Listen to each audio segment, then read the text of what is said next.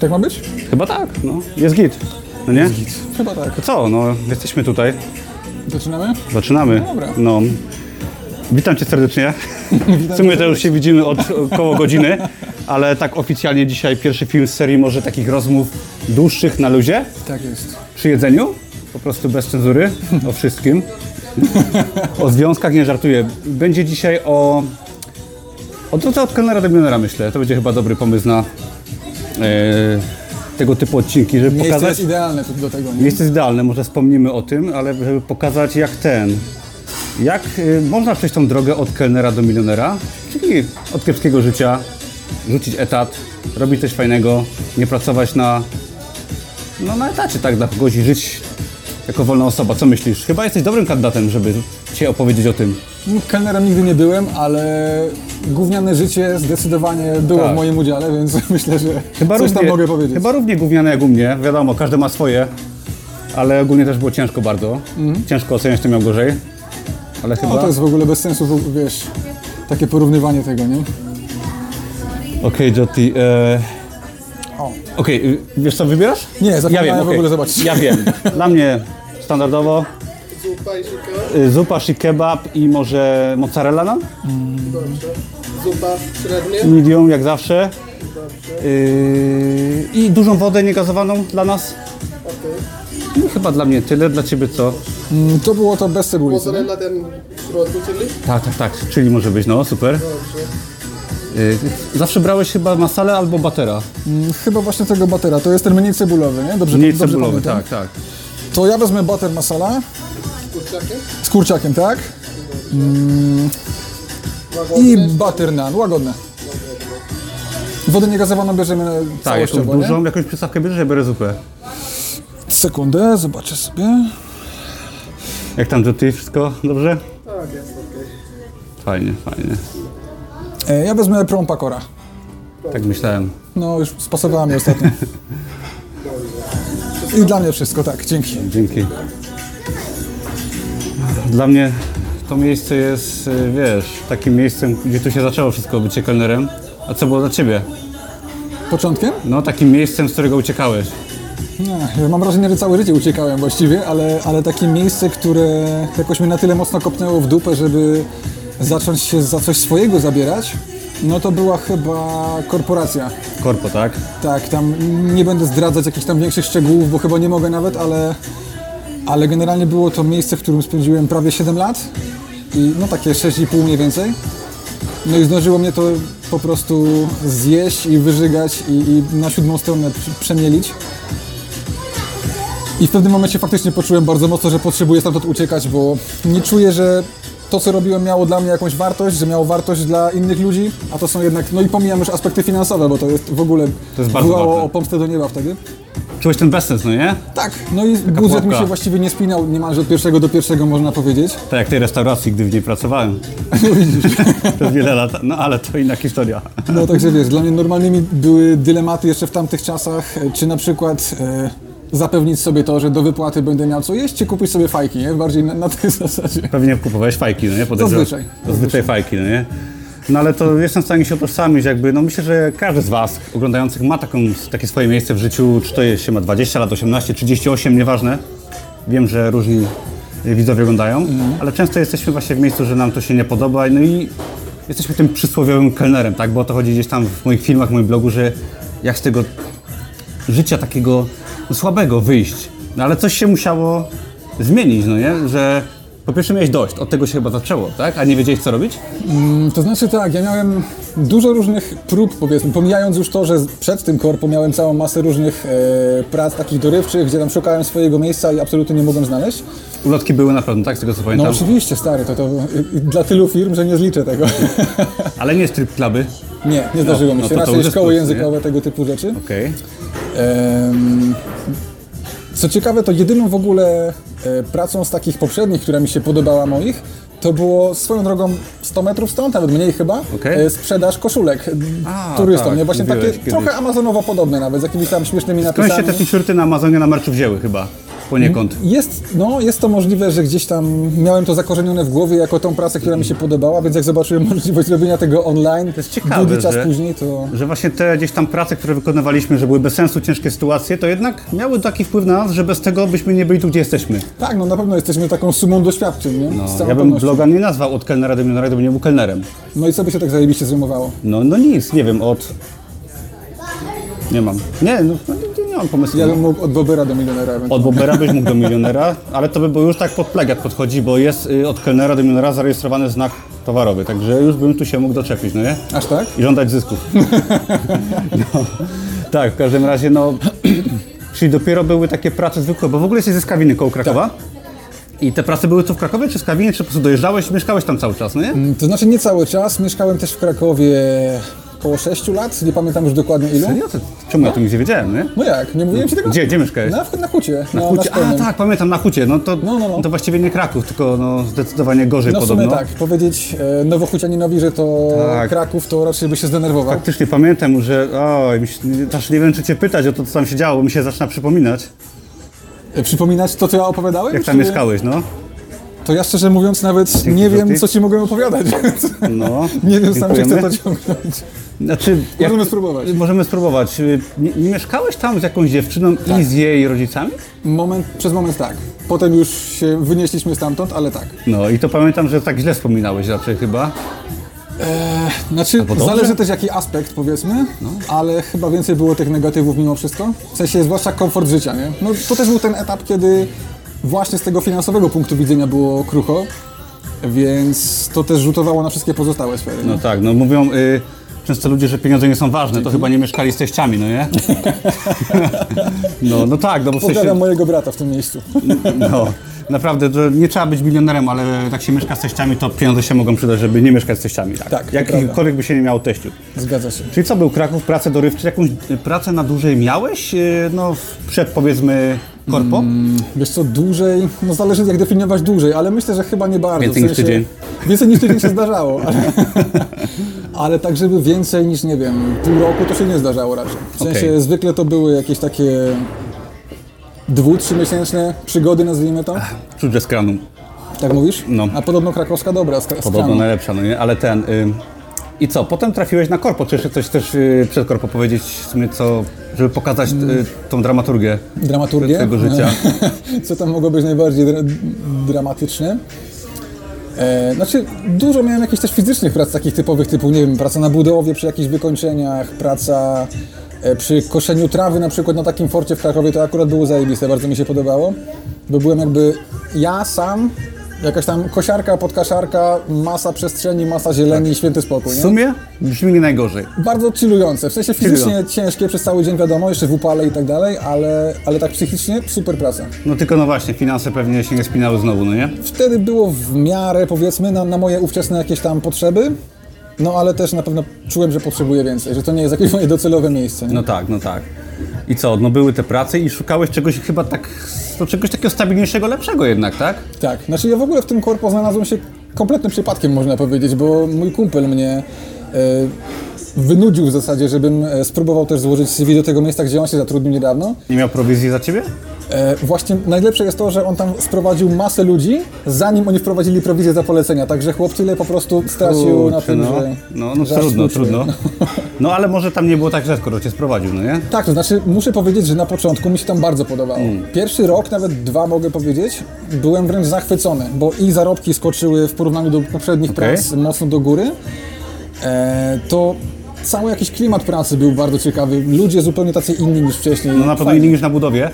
No definitywnie. Yy, ale który to był rok, jak zacząłeś tam pracę? Wiesz co?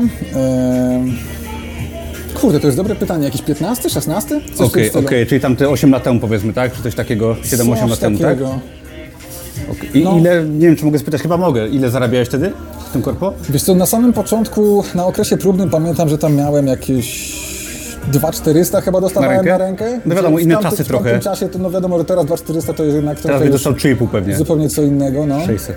Ale pamiętam, że ja do tego stopnia miałem jakiś nieogar finansowy i takie, wiesz, jakieś konsumpcyjne potrzeby gdzieś zakorzenione w głowie, że za moją pierwszą wypłatę z korpo właściwie w całości ją rozpierdzieliłem. Jadąc do Carrefoura w Czyżynach kupiłem sobie Playa czwórkę, bo dopiero co wyszedł i telewizor. Tak, I mówi, pamiętam jak o tym mówiłeś i to powiedziałbym, że to jest bardzo głupie. To jest Oczywiście głupie, no, sam zarobiłeś na to, także spoko, gdzieś tam miałeś prawo, aczkolwiek do kupienia sobie za pierwszą wypłatę PlayStation, Znaczy to był akurat... E, ale tu ten- gorąco, ściągnę buty w No, ogóle ciepło sobie. jest. Często, No, jak jeśli pracowałem, często ści- ściągali buty, zawsze mnie to wkurzało, ale teraz ja jestem Nie, to gościem. ja nie będę ci tego robił. Świeże skarpetki, Ale, ale mm, no to był jedyny plus powiedzmy tamtego okresu, kiedy mieszkałem z teściami w cudzysłowie, gdzie nie musiałem jakoś się aż tak martwić, jeżeli chodzi o wiesz, opłaty i te wszystkie Ty dostałeś pracę w korpo i z teściami mieszkałeś, znaczy Wtedy jeszcze tak. ówczesnymi teściami, tak? Wtedy- Ex-teściami. Tak, tak, powiedzmy, że tak. Em, czekaj, jak to było? Tak, jeszcze kilka miesięcy po zatrudnieniu się tam jeszcze mieszkałem, no tak, z byłą dziewczyną i, i rodzicem. No, aha, aha. No to okej, no czyli to był jak, jakaś stabilizacja była w pewnym sensie. Dzisiaj też mówiliśmy, Mocne słowo, już nie ale- będziemy w to wchodzić bardzo, ale mówiliśmy dzisiaj o związkach i stabilizacji. Ja gdzieś tam uważam, że może powiemy o tym później, czy teraz chwilę, że związek Jak uważasz? stabilny, taki, no związek, który jesteśmy zadowoleni, bardzo pomaga w stabilności życiowej. Ja tak uważam. Zgadza się. Odkąd jestem z moją żoną Pauliną, pozdrawiam serdecznie, bo i tak nie ogląda nigdy moich filmów. Pozdrawiam Paulinę. Także Szkoda, możemy że nie ci powiedzieć wszystko dzisiaj. I myślę, że ale tak mówiąc bardzo serio, na przestrzeni tego, jak jesteśmy razem, tam narzeczeństwo, ślub i tak dalej, kredyt też bardzo łączy mocno No, w miłości. sobie. Ale fajny związek naprawdę pomaga. Tak, i, i w drugą stronę, nie? Że jeżeli Tak. w związku się dzieje jakoś tam powiedzmy, em, masz jakiś tam roller coaster, czy tam emocjonalny, czy jakikolwiek inny, no to ciężko na, to tak. na wszystkie inne sfery życia dostanie, również potem rzutuje. imprezka, alkohol, szczególnie się z młodszym, to wtedy Znaczy, no to już wtedy się chce ten, ten etap taki, gdzie się jakoś uciekało w alkohol, w takich rzeczach już nie bardzo nawet pamiętam, ale, ale faktem jest, że no to rzutuje po prostu na wszystkie pozostałe tak, na emocje i to nie pomaga w stabilizacji. No okej, dobra, pojawiła się korpo, jakieś powiedzmy normalne życie. Mhm. No ale no okej, no jak, jak długo było dobrze? W sensie, już nie, nie pytam o związek oczywiście, bo tam gdzieś tam kilka związków to było temu pewnie. Tak. Yy, ale jeżeli chodzi o pracę, co, ustabilizowałeś się, kupić PlayStation no i co? Spełniłem cel życia. Tak, spełniłeś w FIFA. i co? Nie, wiesz co, em, nie wiem dokładnie, gdzie był jakiś taki moment, kiedy z tego takiego poczucia, że jest ok, że mi to wystarcza, zaczęło się to jakoś zmieniać. Ale no przyszedł taki moment mniej więcej po dwóch latach, wydaje mi się, gdzie coraz, znaczy to też dużo było zmian wewnętrznych w firmie, nie? Firma została tam sprzedana, zmieniało się trochę same jakieś tam teamy wewnątrz firmy, E, tutaj inny menadżer, tutaj inni koledzy, inne obowiązki i tak stopniowo coraz gorzej się tam po prostu czułem, mówiąc wprost, nie? I, I w pewnym momencie już doszło do takich ekstremów, że zastanawiałem się nawet, czy nie wrócić, znaczy nie tyle nie wrócić, co nie zacząć e, na przykład po godzinach rozdawać jakiś tam ulotek, żeby po prostu czysto finansowo sobie jakoś e, dorobić jeszcze do tej wypłaty. Nawet pamiętam, że miałem e, jeden taki dzień, jeden taki wieczór, zdaje się jakiś październikowy, nie pamiętam, czy to było w 19 roku chyba, coś koło tego. E, I pamiętam, że z jakiejś tam budy, czekaj, mm, food truck, tego słowa mi brakowało, z jakiegoś tam food trucka roz- rozdawałem ulotki. Było mega zimno, ja dostawałem z tego mega małe pieniądze, jeszcze tam miałem jakąś prowizję z tego, jak ktoś tą ulotką przyszedł i stamtąd coś kupił. Nikt tam w ogóle nie chodził z ulotką czy bez. Ja też nie czuję się osobą, która ma jakieś gadane do czegoś takiego. Jestem raczej introwertyczną osobą, więc dla mnie to było piekło, takie polecanie ludzi, Wiadomo. ludziom e, takich rzeczy. I pobyłem tam kilka godzin i tak sobie pomyślałem, kurwa, co ja tu robię? W sensie to, to nie jest to, Dotarło co, do ciebie. No, to nie jest to co, kierunek, w którym ja chcę iść i ja muszę zrobić coś swojego, bo mnie po prostu wykręci na lewą stronę. Okej. I to był chyba najbardziej przełomowy moment, jak teraz o tym myślę, bo tak, no, okej. Bo w korpo co w ogóle robiłeś? Znaczy pracowałeś w biurze, tak zakładam? tak. e, To było taka powiedzmy szeroko pojęte zajmowanie się bazami danych, chociaż brzmi to bardziej wzniośle niż było w rzeczywistości. To było takie, taki klikacz niższego szczebla, że tak to nazwę. czyli taki pracownik fizyczny w korpo, można powiedzieć, umysłowo fizyczny, fi- tak? Fizyczny prawą ręką, tak. I pracowałeś w biurze, a po pandemii chyba w domu, tak? Tak to dobrze się? Tak, w trakcie pandemii zaczęła się ta praca. Tam w trakcie pandemii. Praca zdalna, a potem to przeszło jeszcze taką hybrydową, powiedzmy. Ale tak, no. Okej, no i za, zaczęło cię to boleć tam, nie wiem, po jakimś czasie Mhm. w tej korpo, no i wiadomo, no życie się nie układało pewnie tak, jakbyś chciał idealnie. Mhm. No i co? Co cię tak znowu zmotywowało poza tymi ulotkami, e, tym bólem? Wiesz co, ciężko to powiedzieć. Myślę, że ten ból, czy raczej chyba frustracją bym to nazwał najtrafniej, Jasne. że to był czynnik, który najbardziej gdzieś tam mnie wołał i, i przez to gdzieś mnóstwo czasu w pracy nawet, gdzieś tam, wiesz, pracując na dwa monitory, na jednym monitorze, monitorze pracowałem, a na drugim na YouTubie szukałem pomysłów na biznesy. Okej, okej. Jak wiele osób pewnie. No, myślę, że tak. I, I był taki moment, pamiętam, że mnie zawsze, jak ktoś mm, kojarzy mnie, czy jakieś tam moje treści, to wie, że ja jestem bardzo taką t-shirtową osobą, w sensie, że ja bardzo tak, lubię siebie siebie, tak. wyrażać poprzez, no nawet Co masz dzisiaj? ukochany zespół Alter Bridge. O, E, tak, więc nie znam ani jednej piosenki. pokazywałem Ci. Wiem, ale nie pamiętam. No nie? No mniejsza, niech Ci będzie, że Ci wybaczam w każdym razie.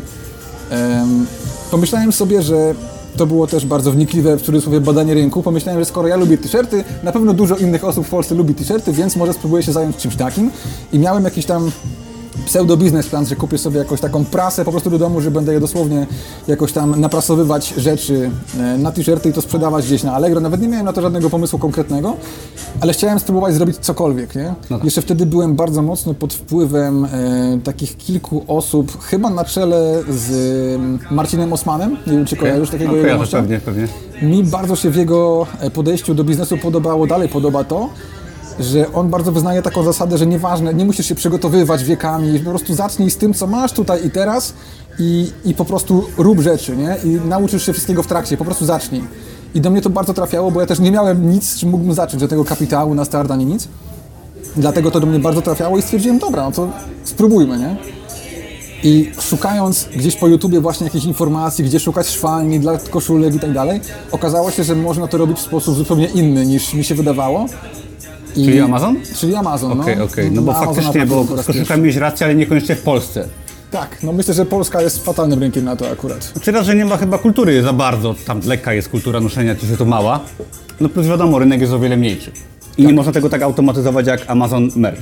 To przez platformę Amazon Merch, To tak? znaczy teoretycznie można, są jakieś platformy polskie również, albo działające też na Polskę, ale z mojego doświadczenia do, dotychczasowego to się Nie ma popytu, co? No, bez sensu kompletnie. No, to wiadomo, USA zawsze lepsze, lepsze narzędzia. Tak. No i okej, zaczęło się powoli dłubanie w merchu, tak? Tak, no w Merszu, tam w kilku jeszcze pokrewnych platformach e, równolegle, w KDP również wtedy na Ciebie trafiłem właśnie tak. szukając tych wszystkich treści. No i tam na parę innych osób, na Norberta z Amazon Freedom Project ówczesnego. Tak, z Norbertem pamiętam, że no, współpracowaliśmy trochę. Tak, pamiętam, że mieliście wywiad o paleniu jointów. Tak było chyba, tak, bo on też tam coś e, ostro tam dawał czadu, jak był młodszy, zanim znalazł swoją drogę. I Norbert zaczynał, nie wiem czy pamiętacie Norberta, ja go dobrze pamiętam, on był takim pierwszym w Polsce od Amazon FBA, tam w roku No, chyba 2018 zaczął jak ja, o KDP.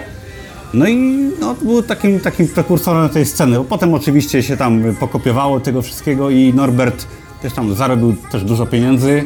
Chyba próbował robić jakieś kanał o restauracjach, yy, A było coś takiego. ubieranie się na TikToku dla mężczyzn. Finalnie nie wiem, co się z nim dzieje. Męskie credo zdaje się, Męskie no? credo? Tak. Ciekawe, co u niego. No. Każdym Nie razie... miałem okazji go poznać osobiście, ale No ja mam, mam nie. dużą sympatię do niego mimo to. No, Norbert to tak, no tak, właśnie taki sentyment też dla mnie z dawnych lat.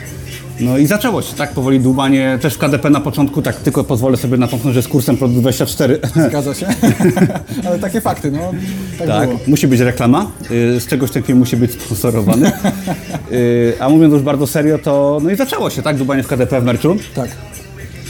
E, No do, wtedy jeszcze do tego dochodziły takie platformy jak Teespring, wówczas jeszcze na nim się opłacało działać, obecnie już niekoniecznie, mm, ale, ale wtedy to była pierwsza moja platforma, na której w ogóle zaliczyłem sprzedaży jakiekolwiek, nawet przed KDP Teespring, tak? Teespring, no. Okej. On obecnie nazywa się Spring i przeszedł bardzo niekorzystne zmiany, więc nie za bardzo polecam, ale pamiętam, że wtedy em, znalazłem taką znaczy znalazłem, trochę to było dzieło przypadku, po prostu robiłem koszulki o tym, czym sam się interesowałem, czyli jakaś tam, jakieś kultury takie mm, pogańskie, takie sta, jakieś stare wierzenia różnorakie, słowiańskie, nordyckie i w ogóle. I w tej niszy założyłem sobie tam sklep i okazało się, że to kurczę działa, nie? że faktycznie no, wiele razy o tym gadaliśmy w różnych rozmowach, że jak się pojawia ten moment, jak masz tą pierwszą sprzedaż gdzieś za oceanem i masz te, nie wiem, 5 dolarów przykładowo zarobione, to przychodzi taka myśl, że okej, skoro to rzeczywiście działa, to jeżeli zrobię tego dużo, to mogę też dużo więcej zarobić, nie? Tak, i to wtedy jest takie przełamanie się, że tak, takie dosłownie przełamanie takich przekonań w Tak. głowie. No bo nikt cię nie uczy w szkole, że możesz wydać produkt w internecie i go sprzedać za granicą. No nikt. Wręcz przeciwnie cię uczą, że nie możesz. No, tak? W zasadzie tak. W zasadzie tak. No. No i potem gdzieś tam to już e, taką siłą rozpędu, taką kulą śniegową się to toczyło i, i no i do dzisiaj właściwie mnie doprowadziło, nie? Gdzie, gdzie ten Amazon stał się takim moim zajęciem numer jeden. czy egzekwo z, z blogiem, z Brodatym Mercerem. E, no więc to poszukiwanie i ta frustracja było takim największym motorem dla mnie do, do zmian i, i myślę, że to jest też taki czynnik chyba niezbędny, nie? żeby wprowadzić taką dużą, realną, trwałą zmianę w życiu. Tak, tak, zgadzam Bo się. jeżeli się za przeproszeniem nie wkurwisz na swoje życie, to prawdopodobnie może ci braknąć motywacji gdzieś po drodze. Jak masz za dobrze, ja to widzę po wielu osobach. Yy, mam nawet jedną na myśli, ale nawet nieważne, bo jak zarabiasz telam 10 koła miesięcznie, masz tam auto służbowe, no i wiadomo, lubisz pracę, bo jak zakładają, że masz tą pracę przy, dość, dość spoko, no to ciężko jest się tak wkurzyć i powiedzieć, no mam dość, już nie wytrzymam. Nie, no jest dobrze, no starcza na wszystko, mam rodzinę. Nawet da się szczególnie jak- odłożyć z tego i w tak, ogóle. na wakacje pojedziesz, jak masz tą rodzinę jeszcze, to już w ogóle gdzieś tam troszeczkę jest trudniej jednak rzucić to wszystko i no i wtedy jest ciężko bardzo coś zmienić. No ja myślę, że gdybym w tym czasie mm, właśnie pracy w korpo zarabiał dychę, nawet brutto, No. to raczej bym chyba nie szukał aż Chyba tak. tak, chyba tak, bo ci było już bardzo dobrze. O, To prawda. dziękuję. Zapomniałem, że zamówiliśmy jedzenie w ogóle. O, Dzięki. dzięki, że ty. No, Tu także, smaczek. no, wzajemnie, wzajemnie. Indyjska zupa z soczewicy dla mnie, wegańska, Tomek typowy weganin. tak, ale drugie danie już nie będzie wegańskie. A u ciebie co? Prawn pakora, Tak jest, kreweteczki, no. krewetki pewnie z hodowli, No, prawdopodobnie. y, w oleju y, rzepakowym z makro, prawdopodobnie, ale pewnie dobre. Jasne. O, mm, uwielbiam indyjskie jedzenie. No ja w sumie polubiłem przez Ciebie, bo w sumie nie wiem, czy próbowałem kiedykolwiek, zanim w ogóle tu przeszliśmy na lata temu na jakąś tam rozmowę. No tak, wiesz co, powiem Ci, jak ja zaczynałem pracę tutaj w indyjskiej, to to były tylko dwie czy trzy indyjskie knajpy w Krakowie, te 10 lat temu. Czyli było bardzo niepopularne. Teraz jest ich 30-40. Wow. Mm. Trochę jak z kanałami o Amazonie. Tak, dokładnie. Jak ja zaczynałem, to byłem sam przez dwa lata, a potem nagle kilku moich kursantów no, zaczęło też prowadzić swoje kanały. No, ale tak jest, taka rzeczywistość. No, taka rzeczy. I jakby, no ale to też sprawia, że dużo ludzi się interesuje Amazonem KDP, czy w ogóle biznesem online, ale powiedzmy o Amazonie KDP i dzięki temu no dużo w Polsce osób publikuje, sprzedaje na Amazonie i myślę, że po tych iluś latach nawet gdzieś ta moja praca i praca innych sprawiła, że mnóstwo pieniędzy spłynęło do Polski z USA, Że co jeszcze raz? że mnóstwo kasy spłynęło, A, no tak, oczywiście, w że sensie miliony już tych zarobionych tantiemów, tak. tak? No lekko, to No. prawda. Nawet biorąc, wiesz, pod uwagę takie najbardziej osoby z największymi sukcesami, nie? Jak chodzi o KDP, nie wiem, nie wiem, ty, Ania, Dominik chociażby, ja też miałem fajne momenty tam. No to, no, pomyśląc, myśląc o tym tak, że takich osób było, nie wiem, choćby kilkaset, a raczej było znacznie więcej. Bo większość się nie udziela i tak dalej, nie ma w internecie, tak? Tak, ja właśnie nawet dzisiaj o tym myślałem, powiem Ci, że często się spotykam na swoim TikToku, chociażby zwłaszcza przede wszystkim tam, wiesz jak jest na TikToku, różnie, e, różnie. że tam najczęściej spotykam się z komentarzami w stylu tak, ciekawe jaki masz interes w tym, że się tym dzielisz, nie? Różne mam interesy w tym, że się tym dzielę tak naprawdę, Tak. ale ludzie często zakładają, że skoro to jest coś, czym ja się dzielę, znaczy, że to w ogóle nie działa, że ja na pewno wciskam farmazon, że w ogóle tam zarabiam w jakikolwiek sposób. Więc myślę sobie, że jeżeli ludzie mają rzeczywiście wciąż taką mentalność w Polsce, no to jeżeli ktoś ma tam sukcesy, to wiesz, jest myślenie w stylu pieniądze lubią ciszę i tak dalej, nie? Ja się w ogóle z tym nie zgadzam i uważam, że taki e, content marketing, który z reguły najłatwiej jest zaciekawić kogoś tym, że rzeczywiście coś działa, pokazać swoje wyniki, nie? Że to jest fantastyczne narzędzie i jak ktoś uważa, że pieniądz lubi ciszę, spoko, ja tak nie uważam. Zależy jaki pieniądz, Wręcz nie? przeciwnie W nawet. internecie potrzebuje trochę rozgłosu. Tak. I powiedzmy szczerze, jak sprzedajesz kursy online, trzeba się pochwalić No. jakimiś wynikami, ale, ale nie ma nic tym złego. Jakby no, mnóstwo osób gdzieś tam w mojej grupie, twojej pewnie też, jak zarobi większe pieniądze, ucieka. Z grupy nawet widziałem, bo są też zamęczani pytaniami i tak dalej. No większość osób nie chce prowadzić kanału i po prostu sobie zarabia. I ja już proponowałem wielu kursantom, osobom na grupie, żeby zrobiły ze mną wywiad, czy ja z nimi. Nie chcieli, tak, no nie chcieli się pokazywać, uciekali z grupy, no bo po prostu zarabiają na KDP, tak, czy na merczu. To jest normalne. No właśnie, ja teraz mam, powiedzmy, na celowniku kilka takich osób, z którymi chyba takie pierwsze wywiady powstaną, właśnie Aha, takie, wiesz, końcu musisz, no. drogi sukcesu, no. Mm. No, myślę, że to Wiadomo, jest... że wiele osób nie zarabia, bo nic nie robią. Część za, jest 50 dla każdego, euro nie? Też nie- nie i ma rzuca co się temat, ale oszukiwać. są osoby, które zarabiają, uciekają z grup, no z kilkoma są wywiady. I ty jesteś też przykładem tego, takiej No, w osoby. zasadzie tak. A No nie ukrywajmy, że drugi biznes w przypadku Amazona, typu nawet kursy online, cokolwiek to jest nasze, to jest też fajny biznes, my to lubimy i to jest właśnie... Mm, wiele osób się dziwi, że robimy na przykład kanał czy kursy, ale dla mnie robienie kanału, kursów, nie wiem, czegoś takiego osobistego, moją twarzą i tak dalej, to jest czysta przyjemność. To jest takie spełnianie się, jakbym robił coś, co kocham i zarabiam na tym. Oczywiście nie ukrywam, że dobrze. Też. To jest Jasne. duża motywacja, pieniądze. W sensie ale nie ma nic lepszego niż dawanie realnej wartości ludziom i kiedy to się dodatkowo fajnie spienięża, nie? To jest win-win. nie ma nic piękniejszego niż napisanie swojej książki, sprzedawanie No. jej, na przykład ja sprzedaję książkę YouTube'em, blogiem i tak dalej. Nie ma tam jakichś spektakularnych wyników w tym, ale to jest dla mnie spełnianie się osobiście. Amazon KDP to jest taki dochód pasywny, bez twarzy za granicą. Oczywiście dla większości osób to będzie lepsze niż YouTube, Zgadza ale się. dla mnie YouTube jest bardziej taki satysfakcjonujący. To prawda, no i przede wszystkim z tym YouTube'em jest tak, nawet nie YouTube'em samym sobie, ale wszystkim, co się z tym wiąże, nie? Cała ta, cały ten biznes, czyli blog, YouTube, wszystkie social media, e, sklep internetowy i tak dalej, to jest coś, co jest realnie twoje, nie? Tak. I tutaj jest, no naprawdę musiałoby się coś bardzo mocno posypać, żeby, żeby to jakoś stracić. Tak. Amazon jednak zawsze, mimo że ma mnóstwo plusów, Ale ostre, no. mimo że ma mnóstwo plusów, to Amazon jest jednak jakąś platformą, nad którą nie mamy takiej pełnej kontroli. I nigdy nie Tak. ma gwarancji, że na przykład nie wstaniesz rano i jeżeli nie dopatrzyłeś czegoś w regulaminie albo cokolwiek, to nie wstaniesz rano i nie będziesz mieć bana na koncie. Trzeba sobie robić zawsze, szczególnie z czasem, jak robisz na KDP, jakiś dodatkowy biznes może, czy inną odnogę, inną platformę i tak dalej, i tak dalej. Dokładnie. No i mając swojego bloga, listę mailingową, to jest no druga odnoga, tak?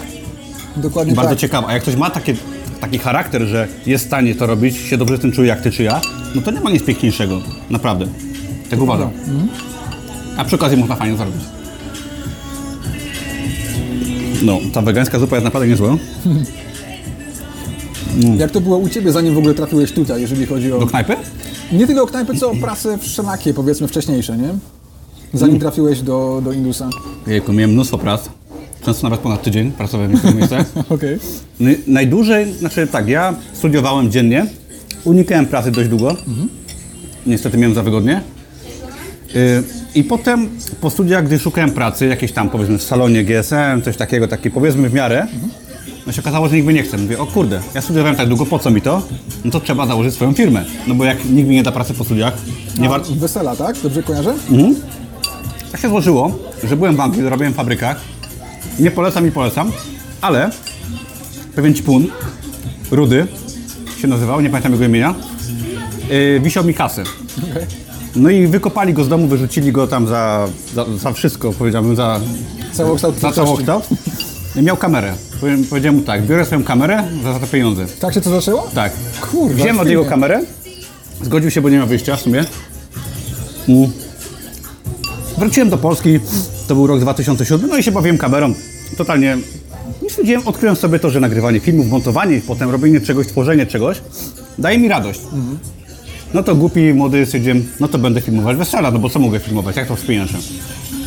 No i wziąłem dotację z Unii, wtedy 14 800, pamiętam do dzisiaj chyba. Okej. To było dużo pieniędzy jak na tamte czasy, teraz to było kilkadziesiąt tysięcy. Który to był rok? 2008. To było dużo pieniędzy. No i... i kurczę, nagrywając film nigdy tego nie zjemy. Ale No ten, właśnie też tak pomyślałem, że Ej, wolę, chciałem z siebie zrzucić teraz ciężar trochę. Dobra. Więc tak. Kupiłem kamerę, sprzęt, wszystko. No i stwierdziłem wtedy, że zacznę filmować wesele siódmówki. Oczywiście stworzyłem stronkę, udawałem, że mam portfolio. Wziąłem film mojego kuzyna Łukasza, pozdrawiam serdecznie, z wesela, wyciąłem siebie, bo też tam byłem i pokazałem pierwszej parce Zajebiście. Ym, no, u mnie w domu, że to jest wesele. I, No nawet fajnie zrobione, spoko, wzięli mnie. No i miałem to. Potem już pokazywałem pierwszy film, który nagrałem, i w sobie, ale wychodziło mi dobrze, nie żeby coś ten, żebym robił fuszterę, bo lubiłem to, interesowałem się i wszystko okej, no nie? Ale y, zrobiłem pierwsze parę studniówek y, dla klasy mojego brata. Y, tak, także tak tam po, połapałem kontakty. Z jednej studniówki mnie opieprzyli, że źle robię. W każdym razie pierwsze te zlecenia padły, no i w sumie dwa i, no trzy lata filmowałem wesela. Tak w skrócie, Kawał od, czasu, myślałem, że krócej. no trzy lata i, i, i z czasem czułem takie wypalenie, kasa była spoko, bo pracowałem, nie wiem, dwa weekendy w miesiącu, montowałem w tygodniu, co było przyjemnością. Zarabiałem wtedy no, kilka tysięcy złotych, nie miałem żadnych kosztów. Spoko. To było dawno temu, mogę powiedzieć, że zapłaciłem podatków, ale ostra zupa. I tak mi doradziła księgowa. No, ale to było dawno, chyba, mo- nie, 5 lat, y, tak, tak. No. Nie wiem, kiedy się przedawnia. 5 lat, 5 lat i tam no, raczej nie płaciłem podatków, tylko gotóweczką szło. W każdym razie, no teraz ja mam możliwości uciekania z podatków, bo każdy, teraz kto by mógł, by uciekał. Teraz płaci się wszystko, ale no, po prostu dawali mi gotówkę, się kręciło wesela i wszystko było dla mnie. I to było spoko, ale czułem bezsens, po prostu czułem bezsens. Potem załapałem się do, do zespołu weselnego, bo chciałem grać muzykę, byłem muzykiem. To jest bliski mi temat, bo mój tata grał bardzo długo, Tak. śpiewał w zespole weselnym. I rozpieprzyłem zespół, bo się zakochałem w wokalistce. Tam pocałowaliśmy się na imprezie. Ja byłem oczywiście zaręczony wtedy chyba. Nie, jeszcze nie byłem. Potem, potem się zaręczyłem z litości, tak? I ogólnie rzecz biorąc... Prostujmy, że nie z Pauliną, z tego co Nie, rozumiem. nie, nie, nie, nie. I rozwaliłem związek, rozwaliłem zespół, rozwaliłem firmę. Skończyłem klejąc po jakichś pa- pubach. Ciekawie, powiem Ci. No, ogólnie to nie, nie ogarnąłem tematu. No. No. Tak było u mnie, jak u Ciebie, mów, bo muszę zupę zjeść. Ale o co konkretnie pytasz? No, byłeś, na, byłeś w korpo, pracowałeś, zaczynałeś na merczu, KDP, no i co? To znaczy tak, miałem dużo takich momentów przełomowych w tamtym momencie Aha. i momentów w momencie i nie ukrywam, że jednym z nich było trafienie na Twój kanał właśnie, Aha. gdzie nie tylko treści od, odnośnie KDP bardzo mi się jakoś tak mm, rezonowały ze mną, ale też takie, które właśnie masz te bardziej rozwojowe powiedzmy, takie wiesz, ja w ogóle do tej pory bardzo dużo chłonę jakichś treści takich odnośnie rozwoju osobistego. Wiem, że jest to temat, który jest trochę prześmiewany przez ludzi, ale mam to w dupie, bo jest to coś, co bardzo mi w życiu pomogło. Na przeróżnych płaszczyznach tak naprawdę. I oczywiście ten taki dobrze rozumiany rozwój osobisty. Dzięki. Dziękuję. Więc Jest prześmiewany, ale wiesz co, powiem Ci, że jak w to uwierzysz, to, to działa, a, albo się z tego śmiejesz. wiesz co, tak, myślę, że to jest bardzo duża, e, bardzo, bardzo ważny aspekt. Jakaś taka, nie wiem, może naiwność wręcz. Tak. E, I właśnie, to jest też coś, co pamiętam, że jak ustalaliśmy datę tej rozmowy dzisiejszej, to mieliśmy, mówiliśmy, żeby o tym wspomnieć. E, Książka Sekret Milionera. O tak. To jest, no to był duży game changer dla mnie. Trafiłem na nią właśnie przez twojego bloga, bo miałeś filmik, gdzie polecałeś książki. Jeden z pierwszych filmów to były właśnie o tym. Tak, i, i powiem Ci, że to była... Wtedy byłem jeszcze w takiej dupie finansowej, że to była pierwsza z polecanych przez Ciebie książek, na którą trafiłem, bo był darmowy audiobook na YouTubie. O kurczę, no. No więc nawet jej nie kupowałem wtedy, tylko po prostu ją e, przyjanuszowałem na YouTubie i... Ja jej na pewno też nie kupiłem. Nie pamiętam skąd ją miałem, ale na pewno jej nie kupiłem. Chyba w pomikuj. Ja ją kupiłem później, tak właśnie czysto, wiesz, z takiego sentymentu. Niestety ją potem pożyczyłem i chyba jej nie odzyskałem, bo szukałem ostatnio, chciałem ją wziąć dzisiaj w ogóle. Aha, o kurczę. E, w każdym razie jest to króciutka, cieniutka książka, Tak. którą bardzo, bardzo warto przeczytać. Myślę, Polecam że na każdy początek. powinien ją przeczytać, zwłaszcza jeżeli chcesz faktycznie podchodzisz do, do swojego życia, do swoich finansów i w ogóle swojego rozwoju na poważnie. To to jest coś bardzo ważnego i mam w głowie cały czas taki kadr w ogóle. No. W dzień, kiedy się poznałem z Tobą osobiście już na spotkaniu właśnie w Viva La Pinta. Ale ostre, przepraszam, no. Mów, mów. Spoko. Em, W dzień, kiedy się poznaliśmy na spotkaniu Viva La Pinta, e, ja czekałem na moją ówczesną partnerkę e, pod wejściem do Pinty. I miałem jeszcze na słuchawkach wtedy, pamiętam, że dosłuchiwałem sobie do końca tę książkę, bo po prostu nie mogłem się wiesz, rozstać z nią, nie? Cały czas Ona sobie była słuchałem. świetna, ona była świetna. W takim Tak. szczególnie dołku życiowym gdzieś tam. Zgadza się. Zwłaszcza kiedy jesteś na tym etapie, kiedy jesteś w tym dołku, ale już czujesz, że, że wiesz, chcesz się odbijać do góry, nie? To jest wspaniałe uczucie, gdy pierwsze te treści rozwojowe czytasz czy tam słuchasz i czujesz, że możesz. Tak. To jest piękne. I myślę, że poniekąd na pewno to wymaga jakiejś takiej może naiwności, może nawet jakiejś niewiedzy, że niektóre Aha. rzeczy są trudne, Mhm. ale pamiętam, że to był moment, kiedy ja po raz pierwszy zgodnie z tym, co ta książka... Dzięki. Zgo, zgodnie z tym, co ta książka sugeruje, wypisałem sobie swoje cele, nie? E, Głównie to były jakieś tam cele finansowe. Pamiętam, że wtedy zapisałem sobie, że moim głównym celem, na który sobie dałem wtedy chyba rok, Dzięki. dzięki, e, było odłożenie 100 tysięcy złotych. Wydawało się dużo, co? Wtedy to się wydawało wręcz niemożliwe, ale ta książka właśnie zachęcała bardzo do tego, żeby to były ambitne cele, nie? Że, Tak. że jeżeli myślisz o takiej takiej kwocie, to właśnie, że właśnie, że nie i idź ambitniej. Więc pomyślałem, dobra, to spróbujemy. Aha.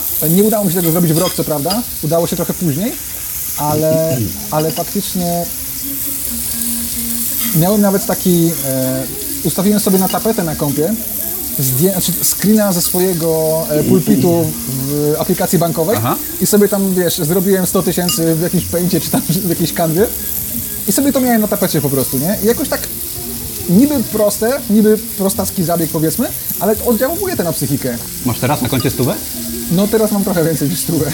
Chcesz pokazać do kamery, czy nie? Nie, Nie, nie, okej.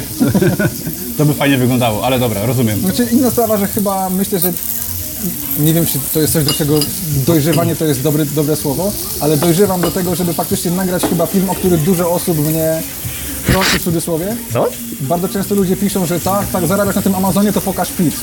Więc stwierdziłem, że chyba może faktycznie ten PIT za zeszły rok pokażę i wreszcie pozamykam dzioby ludziom, No. bo, bo trochę to jest irytujące właśnie, jak wiesz, mówisz o czymś zupełnie innym, a ktoś skupia się tylko na tym aspekcie, że to jest w ogóle fake, ile zarobiłeś, nie? Więc- Tak. A czy wiesz co, ja już od dłuższego czasu gdzieś tam się nie przejmuję tym, bo wiem ile zarobiłem, jakby to mnie zna, to mnie zna. Wie, że jest y, prawdziwe gdzieś tam wszystko i nie, nie jest to udawane. To się oczywiście zdarza pewnie w necie bardzo mocno, ale to trzeba robić swoje. No i co, no te pierwsze sukcesy, w ogóle może zróbmy taką dygresję małą, troszkę rozluźnimy temat No. i powiedzmy co zamówiliśmy, co?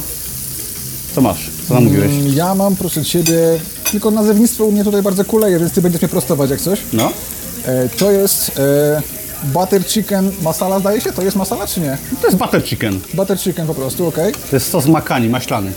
Tylko ja tak szczerze to nawet nie do końca wiem, co tu mam poza tym kurczakiem i poza tym, że to jest zajebiście smaczne. Na pewno ten kurczak jest y, krótko żyjący, jakieś 3 tygodnie pewnie, nafaszerowany różnymi rzeczami. Tak, najprawdopodobniej To tak. to jeżeli chodzi o kurczaka. Sos myślę, że trochę lepszy.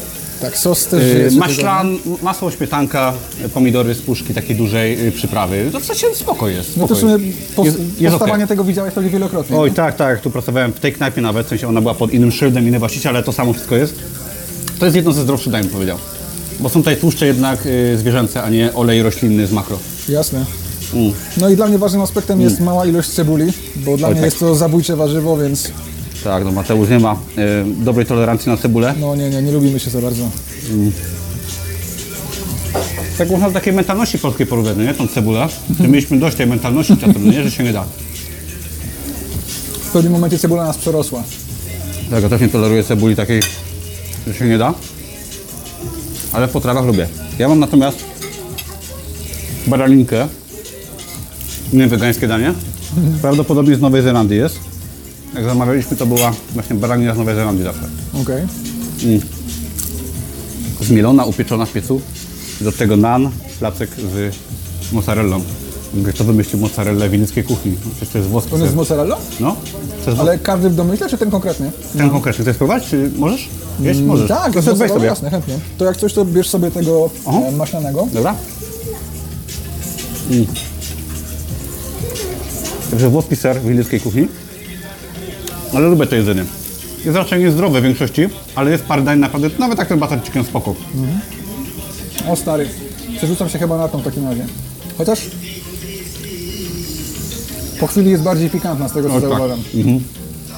Zobaczymy za chwilę, czy to jest jeszcze w granicach tego, co lubię, czy już poza. No, kuchnia indyjska jest w ogóle fajna, bo jest taka kolorowa, aromatyczna naprawdę ma dużo takich kiepskich potraw, w sensie niezdrowych, może smacznych, opartych na bazie e, takiego sosu z oleju. I no to nie jest zdrowe.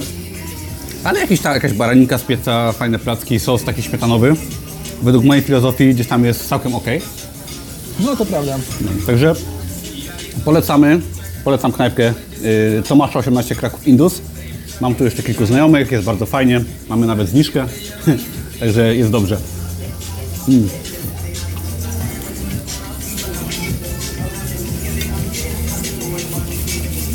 No, na tej loży nieraz spałem w czasie pracy. Chyba nie tylko spałeś, co?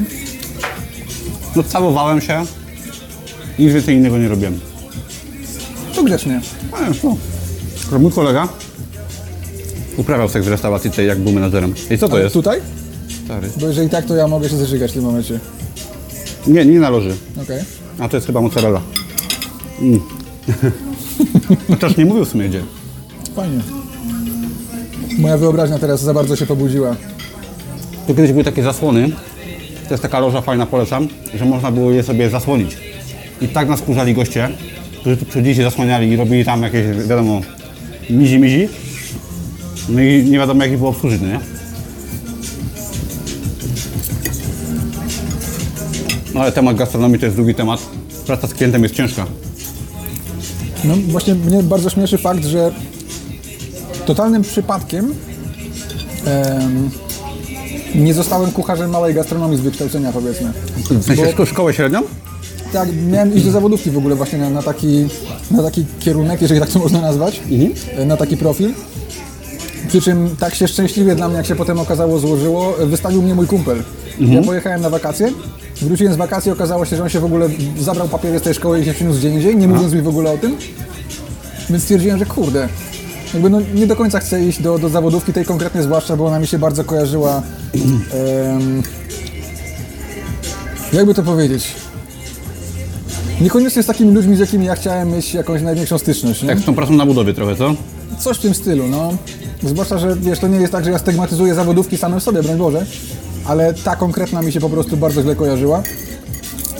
No zawodówki zawsze były takie no raczej no teoretycznie gorsze niż licealne, nie? Znaczy, tak i nie, bo tak naprawdę Może kiedyś. samo w sobie liceum właściwie niczego ci nie daje, nie? Zawodówka daje ci zawsze coś tam, jakiś tam konkret w ręce, nie?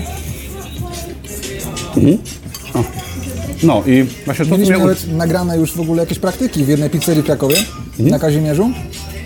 No, ale stwierdziłem, że sam tam jednak nie będę szedł, więc wymiksowałem się z tego również. u... sobie został kelnerem, by zrobił potem bloga od kelnera do milionera. No, ciekawe kto był pierwszy zrobił trademark. Już teraz za- zatrademarkowane jest, nie można. W każdym razie właśnie obsługa klienta to mnie najbardziej, zawsze tak mówiliśmy w restauracji, że wszystko było fajnie w tej knajpie, gdyby nie ci goście. tak to byłaby zajebista praca. No to chyba ogólnie w pracy z ludźmi tak trochę jest. Tak, i pamiętam, że Amazon właśnie mnie tym urzekł, że tam nie ma customer service. Wystawiasz produkt, tak, Absolutnie. merch czy KDP, nie wiesz, kto kupił. I po prostu dostajesz prowizję. Tutaj jednak trzeba sobie zapracować. Ło, ostro na te pieniążki. No i to mnie wkurzało, tak? Trzeba było być takim sługą tych ludzi, którzy często byli niefajni. Wiadomo, większość ludzi była ok, ale często się zdarzały sytuacje bardzo nieprzyjemne. Na przykład? Po prostu hamstwo, Okej.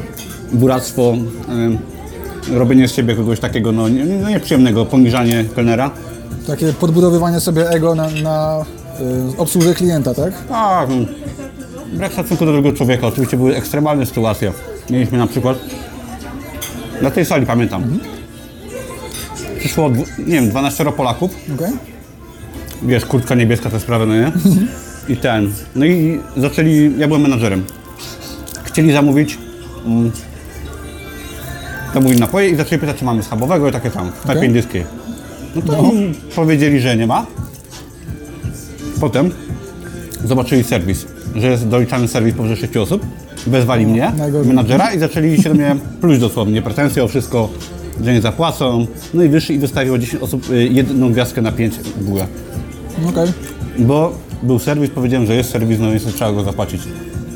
No to już jest taka dosyć mocna Januszerka. Mocno. Mogli wyjść i powiedzieć, ok, jest, takie, takie są zasady, nie chcemy, ale nie opinię wystawiać, no nie?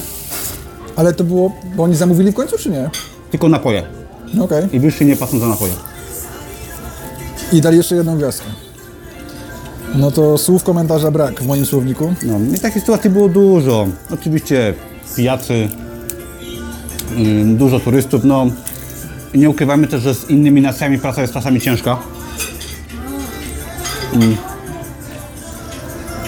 No sama kultura jedzenia chyba się bardzo różni, nie? Mhm, bo wiadomo, Polacy są ok, jakby to są, jak my gdzieś tam rozumiemy ich. Wiadomo, Amerykanie super, Brytyjczycy ogólnie też podają, napiwki są kulturalni. Mm. Ale kelner zarabiał wtedy 6-7 na godzinę. Głównie to napiwki były. No i jak przychodzili na przykład Włosi, czy południowcy, którzy nie dają napiwków, bo tam jest liczony serwis, no to już byli wrogiem. W tym sensie. Hindus, na Okej. przykład jak przychodził do hinduskiej knajpy, to był wrogiem, no bo raz, że nie dawał napiwków po prostu, bo Hindusi nie dają. I byli bardzo y, wymagający, cały czas coś chcieli, no, no nie lubiliśmy ich. Jak przychodzili na przykład Arabowie, to oni byli w ogóle masakra, Okej. bo na piwku mogłeś zapomnieć, ale przy okazji gonili po knajpie, krzyczeli jakieś dziwne zachowania, no inna kultura, tak? Ja tu nie mówię, że to jest gorsze czy lepsze, tylko po prostu dla Polaka, który żył z napiwku, to było po prostu okropne. Nie, no to zawsze jest osobliwe, jak nie obcowałeś z czymś takim wcześniej, nie? No. I po prostu się męczyliśmy nieraz z ludźmi. No, oczywiście były fajne momenty, tak? Mm, Nieraz się imprezowało, piło drineczki w pracy, poznawało dziewczyny, poznałem moją żonę. Także no, bez, bez tej knajpy bym nie był tym, kim jestem No, i nic bym nie zmienił. Tak sobie myślę, takim efektem motyla nawet, że w pewnym sensie, gdyby nie to, że pracowałeś w tej knajpie, to ja pewnie też nie byłbym tym, kim jestem dzisiaj. Tak W pewnym sensie. myślę, że dużo mogłoby się, na pewno, może nie na pewno, ale duże prawdopodobieństwo, że nie powstałby w ogóle Brodaty Mercer, nie? No. Jakby ty mnie namówiłeś do tego, żeby... Tak, coś tym jest, bo pamiętam, że jakieś pierwsze dni, tutaj, miesiące to rozmawialiśmy, nawet lata y, z kolegą, z kolegami o rozwoju osobistym. To też mnie gdzieś tam pchnęło do tego. Także jak najbardziej tak. No i doświadczenie. Potem byłem menadżerem, nauczyłem się prowadzić firmę. Potem stosowałem marketing, którego nauczyłem się na Amazon KDP. W promowaniu restauracji, ogólnie pozycjonowanie produktu, tak? I nauczyłem się tego. I dzięki temu, no knajpa, byłem najlepszym menadżerem, który tutaj kiedykolwiek pracował. A pracowało wielu, do tego nie byłem uzależniony od alkoholu, jako jeden, jako jeden jedyny. I to też mnie, dało mi dużą przewagę. Ale to jest niesamowite, że... Niesamowite. To byli Polacy, czy to byli Hindusi? Czy Polacy. jed- Okej. Wszyscy byli, mieli problemy jakieś. No ciekawa sprawa. No. Pierwszy menadżer, jak tu pracowałem, pracował ze dwa lata. Mm. On ogólnie tylko siedział przy barze i nic nie robił. Okej. Jakieś tam podstawy. Pił whisky cały czas na koszt firmy. Na sali to nie był ani razu. No i wiadomo. Wykorzystał swoje dwa lata, wypił swojego i, i poszedł s- yy, swoją drogą. Okej. Potem był kolega, to on już nie tylko pił, ale też ćpał. I to już było dużo różnych rzeczy, dziwnych zachowań. Też brak pieniędzy mu nie pomagał i ciągle gdzieś tam no, podbierał kasę. Kolejny był jeszcze gorszy. On to w Co ogóle... jeszcze można było do tego dołożyć zestawu? E, Kolejny to w ogóle nie zjawił się cały weekend. Wyłączył telefon i, i mówił, że zapomniał kluczyka od kasetki z pieniędzmi. Wiadomo, że pożyczał hajs, nie? Potrafił zorganizować imprezę na 40 osób i nie dać nikomu znać i nie przyjść. I przyszło 40 osób na przykład. Moja żona mi do dzisiaj opowiada, bo ona wtedy była kelnerką tutaj, że no przychodzą o 4, o 18 impreza, nikt nic nie wie. Menadżer nie odbiera. Się Yeah. ludzie schodzą. I ogarnęli. No to szacun. Znaczy konkurencji znowu takiej yy, super nie miałem, ale no techniki gdzieś tam pozycjonowania w internecie sprawiły, że knajpa naprawdę podwoiła utargi. No i nie kradłem przy okazji pieniędzy, no nie? Nie No. piłem w pracy, także Takie to pomagało i dawałem wypłatę w ogóle pracownikom z własnej kieszeni, bo to było tak zawsze, że wypłaty były tydzień, dwa, trzy po terminie, zresztą zostawiałem na policji, policja wie wszyscy, Okej. bo ZUSy nie były płacone. No i ludzie ogólnie nie chcieli to pracować, a ja robiłem tak, że jakoś tam pieniędzmi zarządzałem, miałem swoje oszczędności, no to zawsze dawałem im na czas, potem sobie odbierałem dwa tygodnie później. I oni byli zadowoleni, szef i tak płacił kasę, ja nie byłem stratny, ale jak odchodziłem na, powiedzmy, emeryturę etatową do swojej firmy już, to przyszedł nowy menadżer, nie starał się, no i on zaczął dawać wypłaty normalnie, jak szef kazał, no i po miesiącu to, że oczywiście pił, że brał kasę i nie dawał wypłat, po miesiącu od mojego odejścia knajpa padła. No okej. Stary, najlepsze uczucie na świecie. No wyobrażam sobie. To musi bardzo windować ego w górę, nie? Znaczy wiesz, tak pozytywnie, bo No. nie przyłożyłem się do tego, ale tak, no nie? Mm. Nie zjeść tego plaska. Wiadomo, że myślę, Ja jestem już na skraju w ogóle, wiesz, pojemności. Hmm.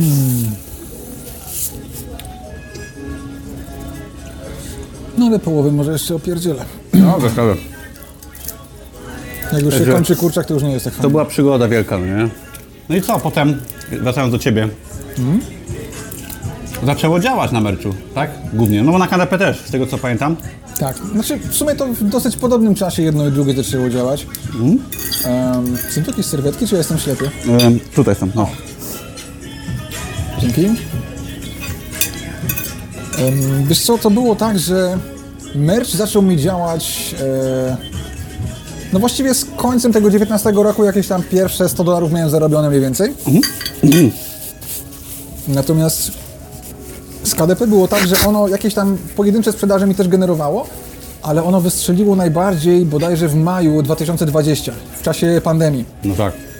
I wtedy się okazało, że ludzie bardzo zamawiają sobie chętnie krzyżówki, sudoku, takie tam podpowiedzi, jeżeli chodzi o, o nisze. Eee, no bo ludziom się ewidentnie nudziło w domu. Kolorowanki tak samo, żeby dzieci jakoś, wiesz, ogarnąć w tym czasie, kiedy trzeba siedzieć w domu. I maj 2020 na KDP to był mój najlepszy miesiąc ever po dzisiaj, jeżeli chodzi o, o, o KDP właśnie. A dla odmiany akurat właśnie chyba w maju tamtego roku, dwa- 20, merch został w ogóle wstrzymany całkiem przez Amazona. Na, na jeden miesiąc całkiem go zamknęli i, i była trochę panika powiedzmy, bo wiesz co, była cała ta panika covidowa związana z tym, że ludzie wykupywali papiery toaletowe, jakieś A. tam zbroili się na Armagedon i tak dalej. I Amazon miał tyle zamówień, że stwierdził, że jakby musi z czegoś zrezygnować, więc t-shirty się wydały czymś najmniej potrzebnym po prostu w danym momencie i skupili wszystkie swoje siły na, na tych rzeczach, które wtedy najbardziej szły. No i około miesiąca to, to trwało, do tej pory mnie to wkurza, że w moich statystykach od samego początku mam taki jeden słupek na zero. nie? No, to musi być straszne uczucie. No ale wtedy właśnie też mi się bardzo fajnie rozwinęło KDP, wtedy też dużo publikowałem na Redbubble, więc nie próżnowałem w tym czasie. Nie? Czyli 2021. No i wtedy się zaczęło tak naprawdę już dziać, no nie? No 21 to już było takie bardzo ugruntowane wszystko rzeczywiście, no. My chyba pierwsze jakieś rozmowy wtedy wypuszczaliśmy w 21 na początku? W 21, tak, jakoś chyba na wiosnę. No i wtedy wiadomo, myśmy się poznali na spotkaniu Twojego Dominera. Tak. W ogóle zapraszamy na kolejne spotkanie. y, Raz na jakiś czas. I pamiętam, że byliśmy w takim lekkim kontakcie gdzieś tam. No gdzieś tam coś tam na Messengerze czasem. No i, i czasem za, zacząłem widzieć, że Ty masz te wyniki, że to działa. No i zaczęła się współpraca. Wypuściliśmy wspólny kurs potem. wystar- Wystartowałeś ze swoim blogiem. Znaczy to trochę potem. Duży skrót, ale, ale tak, Tak, tak, tak. było właśnie, no. No i to Ci pozwoliło dołożyć kolejną cegiełkę do swojego biznesu. No i w sumie teraz świętujesz, już parę dni temu była rocznica Twojego odejścia z etatu. No, już paręnaście dni temu nawet, jak się nie mylę. No. No tak było, zleciało to niesamowicie, muszę przyznać. Dużo się działo przez ten czas, ogólnie, nie tylko biznesowo. Ale to był bardzo, bardzo rozwojowy rok, tak to streszczając musiałbym powiedzieć. Pamiętam, że jak jeszcze pracowałeś na etacie w zeszłym roku, byliśmy na Babie, wtedy jeszcze pracowałeś. Jakiego doła miałeś, pamiętam. No. No. No nie, ja wtedy byłem mocno przytłoczony. W sensie prawda była taka, że i ten merch wtedy już bardzo fajnie hulał. I chyba już zaczynałem robić wtedy. Tak, już wtedy działał brodaty, nie? Tylko jeszcze w czasie etatu. Jeśli się nie mylę, tak to wtedy. Kurczę, już nie pamiętam. Nie, nawet. chyba jeszcze nie. Chyba jeszcze nie. Chyba jeszcze nie? Nie, mieliśmy kurs wypuszczony u mnie na blogu, ale brodaty nie był. Brodaty chyba Tak, potem masz powstał. rację, masz rację. Tak musiało wtedy chyba być. No. Chociaż niewiele później, nie? Niewiele później. Ale ta babia rzeczywiście była takim momentem, że ja sobie faktycznie zdałem sprawę, że, że moja psychika nie jest chyba w najlepszym miejscu. Em, no zresztą pamiętam, że gadaliśmy tam o różnych Oj, e, tak. wizytach lekarskich, e, jakiś tam polecaliśmy sobie nawzajem psychiatrów i tego typu klimaty. I leki. Tak, no to ba- bardzo... Wyjście na babię niekoniecznie z tym się chyba kojarzy, nie? Ostatnio byłem na Babie z, y, z kolegami, t- też tylko o tym rozmawialiśmy. o terapii y, kwasem, o różnych to tego jest typu fa- rzeczach. fajna sprawa akurat. Także są rozmowy w góry idealne. W każdym razie pamiętam, że właśnie rok temu, kiedy w lipcu była ta rocznica? W lipcu, tak? Odejście z tatu? tak. Pojechałem do ciebie i byłeś taki na skraju rzucenia i rzucenia tatu. I w końcu ci powiedziałem, weź, się zwolnij, chłopie. No. Tak mi powiedziała moja żona parę lat temu. I... No i co, się zwolniłeś dzień później chyba, nie? Znaczy no, może nie dzień później. Znaczy, A decyzja padła, tak? To jest trochę jeszcze bardziej skomplikowane nawet, powiem Okej. Ci, bo em, to było tak, że ja już byłem dogadany z moim ówczesnym menadżerem, mm, swoją drogą zajebistym gościem, jeżeli jakim cudem Krzysiek oglądasz, to pozdrawiam Cię. Em, byłem dogadany na odejście z pracy i to było w lutym, zdaje się, zeszłego roku. W każdym razie tuż przed wybuchem wojny. I w momencie, kiedy ja już miałem dogadane wszystko, całe wy- wypowiedzenie i tak dalej, to, to palnęła właśnie wojna.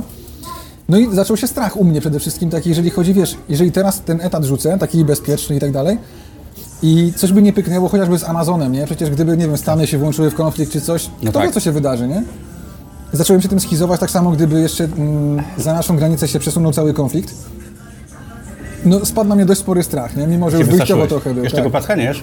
Nie, jak A chcesz, sos? to nie krępuj się, też dziękuję. O, super. Ja już mam dość kompletnie. No, no, no, to możesz kontynuować. E, I tak, więc to był moment, w którym się jeszcze wstrzymałem na trochę. I potem, jak już sytuacja się, no powiedzmy, ustabilizowała, wiadomo, że o tej wojnie tak nie do końca można powiedzieć, ale, ale minęło po prostu trochę czasu, ładnych kilka tygodni. Wtedy się zobaczyliśmy właśnie. I, I wtedy mi powiedziałeś, że faktycznie jakoś tak popchnąłeś mnie do działania bardziej, bo zdążyłem przez ten czas wrócić do takiego pseudokomfortowego miejsca, nie? Takiego pseudobezpiecznego może bardziej. No i się udało. Ja się okazało nie takie straszne No nie. bez tego etatu, a wręcz chyba lepsze, nie? No jak teraz myślę o tym, że wtedy się bałem tego odejścia, to mi się strasznie chce śmiać, szczerze No, mówiąc. nie, no, chcesz się śmiać, no nie? To jest takie się kolejne śmiać. przekonanie, jak ta pierwsza sprzedaż. No. nie? Zmienia, że da się wytrzymać bez etatu i nagle są pieniądze. Wszystko od ciebie zależy. Zgadza się. Chociaż, jak też sam wiesz, do tej pory, mimo że jakoś masz już ugruntowany ten biznes i zabezpieczone pieniądze, zainwestowane i tak dalej, to wciąż e, jak się pojawi jakiś miesiąc, kiedy, tak jak miałeś tak. ten film mm, o, o byciu smutnym po zarobieniu 50 koła, nie? Tak, to jest śmieszne, bo miałem Tak. parę miesięcy w tym roku w sumie, że zarobiłem no prawie 100 tysięcy miesięcznie. I potem miałem spadek tam o 30-40%, zarobiłem, nie wiem, 50. Ja byłem załamany. Byłem po prostu smutny, myślałem, Ale- że to jest koniec. Znaczy, wiedziałem, że nie, ale czułem tak się. To jest bardzo dziwne. Znaczy, jest to o tyle fajne, że to jest motywujące do pracy bardzo, ale bo jednak wiesz, że wszystko jest w Twoich rękach dosłownie i to nie zawsze znaczy, że to jest takie fajne, tylko właśnie, że czasami trzeba zakasać rękawy i zapierdzielać. Tak. Ale faktycznie jak się zdarzają takie miesiące, kiedy jest na przykład właśnie teraz w czerwcu chyba miałem taki miesiąc, gdzie tam o 20% mniej więcej miałem spadek sprzedaży, w sensie z, z bloga, nie, nie na Amazonie, bo akurat na Amazonie to był zajebisty miesiąc. No to był taki lekki strach, nie? że kurde, spadło, co teraz, Jest tak, nie? jest tak. To Jakieś też taka myśli. rada w sumie do wszystkich osób, które gdzieś tam publikują na Amazonie, czy mają swój biznes w necie, czy nawet y, inną firmę, to w biznesie jest tak, że są różne okresy. Lepsze, gorsze. Często jest bardzo dobrze, ale czasami jest też tak, że no, zarabiamy dobrze, potem jest jakaś stagnacja i trzeba mieć to na uwadze. No, choćby nawet na Amazonie, tak, że no, są święta, na przykład jest świetna sprzedaż, a potem przychodzi styczeń, luty, no i ta sprzedaż jest mniejsza. Zgadza się. I często ludzie przez to się demotywują, ale przeżycie no, kilku lat na Amazonie i zobaczenie tych cyklów i rozliczanie się w cyklu rocznym w głowie jest najważniejsze. Bo właśnie biznes to podejście długoterminowe na, Dokładnie tak. na lata, długo, no właśnie długi termin, a nie etat, że no, czy się człowiek napracuje bardziej i jest tyle samo. To właśnie biznes i to jest y, to podejście przedsiębiorcy kontra podejście do etatu. I trzeba sobie nawet często lata biznesu własnego, żeby zostać tym przedsiębiorcą w głowie, tak na, na serio. Dokładnie tak. Oczywiście. Ja myślę, że chyba do tej pory nie mam tak w 100% tego przedsiębiorcy zakodowanego, nie? Ja też jeszcze nie, gdzieś tam, znaczy już mocno, ale wiadomo, no, szkolimy się każdego dnia. Ale tak, trzeba kilka lat popracować na etacie, żeby być dobrym biznesem, znaczy przepraszam, yy, we własnym biznesie, żeby po, y, być dobrym biznesmenem, tak? No nie da się tak od razu, no ale trzeba to robić, no jakby nie ma innego wyjścia. Dopiero po czasie, jak odłożymy jakąś poduszkę, zainwestujemy w jakieś mieszkanie, tak, czy może w krypto, to mówię o sobie, wtedy rozumiemy, że mamy zabezpieczenie, że biznes działa i to jest najlepsze uczucie na świecie.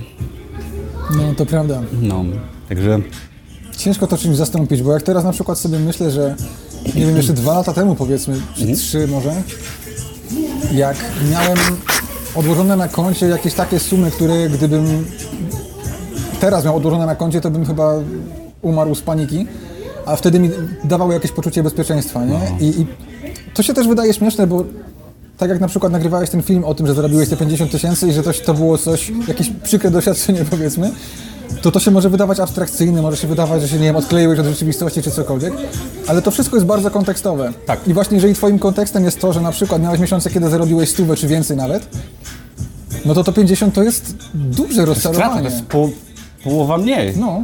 No to tak jakbyś miał Zwłaszcza, tysiące pensji, nie spadły 1500, nie ma za co żyć. No, no dokładnie. No, no tak, i to, i to jest właśnie to, już- nie chodzi wtedy o pieniądze, ale bardziej o to takie poczucie y, jakiegoś bezpieczeństwa i trzeba swoje przeżyć też. Tak, nie? zwłaszcza, że mi się wydaje, że my obaj, tak jak już gadaliśmy o tym kilka razy, e, mamy dosyć podobną motywację chyba, nie? W sensie, że ja na pewno nie jestem taką osobą, z tego co rozumiem, ty też nie za bardzo, że my biegniemy za czymś, do czegoś, nie? Że chcemy Uciekamy. mieć jakiś tam samochód, jakiś tam wypasioną willę, ja to mam w dupie. Ja też, Ja sobie ja jeżdżę z Kodą Fabią i jest zajebista, bardzo ją lubię.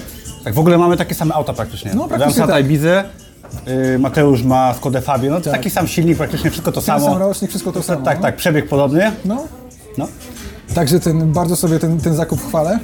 Swoją drogą bardzo mi się chce śmiać też, bo nie wiedziałem, że to będzie miało aż taki odbiór. Jak kupowałem sobie to auto, siedziałem w salonie, właśnie czekałem przy kawce na, na sprzedawcę i zrobiłem sobie storiesa na Instagrama, gdzie było widać właśnie kawę, jakiś tam umowę, długopis i był taki kadr, że było widać jakiegoś tam wypasionego Mercedesa Tak, kawałek, tak nie? było, no I ludzie myśleli, że ja kupiłem tego Merca. I tak sobie pomyślałem, kurde, nie chciałbym nawet takiego samochodu, szczerze mówiąc, bo dla mnie taki samochód byłby raczej stresem niż... Raczej tak. Ja Niż naprawdę musiałbym zarobić, nie wiem, w miesiącu typu milion złotych, No. miesięcznie i stabilnie, żeby sobie kupić auto, nie wiem, za pół bańki czy za milion.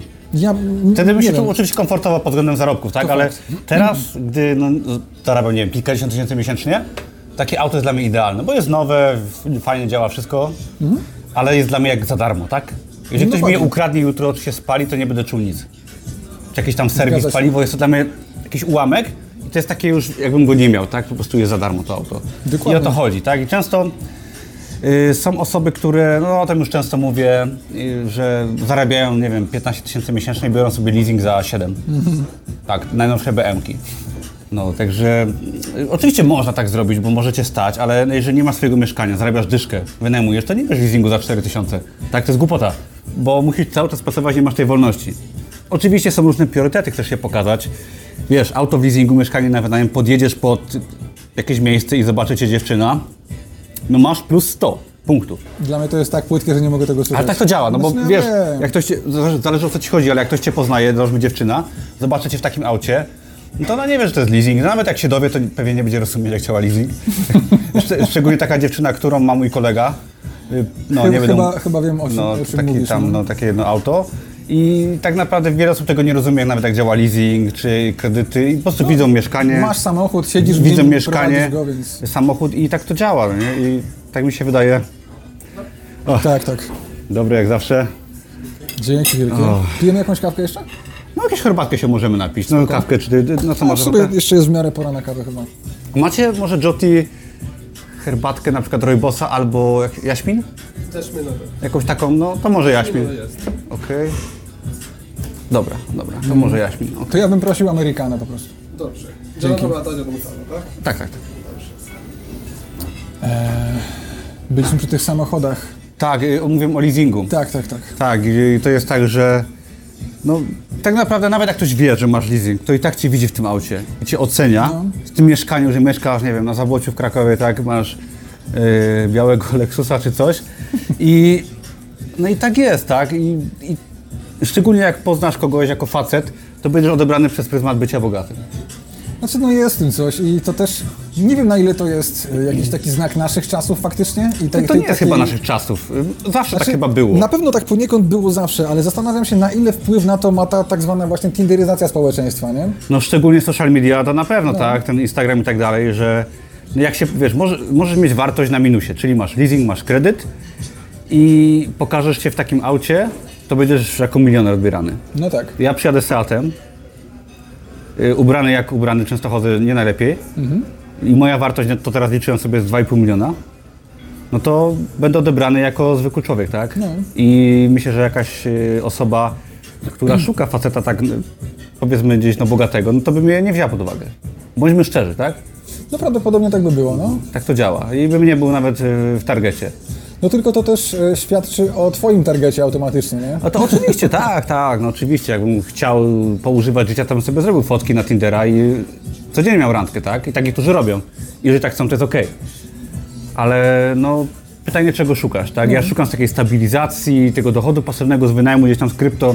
Dokładnie, bo w te samochody poszliśmy, a gdzieś tam zgubiłem myśl po drodze właśnie, że, że my nie dążymy do tego, tylko że my raczej uciekamy przed tym, co mieliśmy w przeszłości, nie? Tak, uciekamy. Jak ja myślę o pracy na taśmie przy produkcji części Tak. samochodowych i że miałbym tam teraz wrócić, zarabiać, nie wiem, nie wiem ile tam teraz się może zarabiać, niech to będzie nawet jakaś czwórka na rękę i pracować tam na trzy zmiany, no to Straszne. Nie chcę mówić rzeczy, które mogłyby spowodować, że ten film zostanie zdjęty z YouTube'a, ale bardzo bym tego nie chciał, może ujmę to w ten sposób. Tak, ja też, ja przepracowałem parę razy w różnych fabrykach, miałem staż w korporacji, też w fabryce. Nigdy.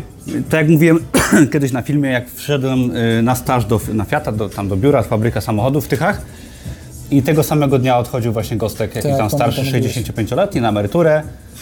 No i tak naprawdę świata nie zwiedził, nie dorobił się, a wszyscy go mieli w dupie. Tak naprawdę zostały mu tylko paprotki z biura, które tylko syfiły, takie tłuste leci z paproci zawsze, nie wiem czy wiesz, tak. na to biurko. Wszyscy go mieli dość przez te paprotki.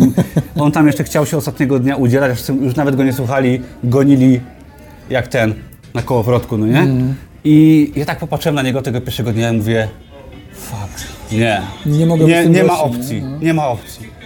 Nie ma opcji i tak to się nie skończy. Wytrzymałem 4 miesiące, ale no i tak to się nie skończyło. Odszedłem, mimo że nie wiedziałem gdzie, powiedziałem, że nie. A właśnie co miałeś bezpośrednio po tym? Jakie miałeś zajęcie? Potem zostałem kierowcą ciężarówki. W trakcie A, okej. stażu na Fiacie robiłem uprawnienia tam C plus E, zrobiłem i dorwałem potem pracę po tym stażu jako kierowca ciężarówki.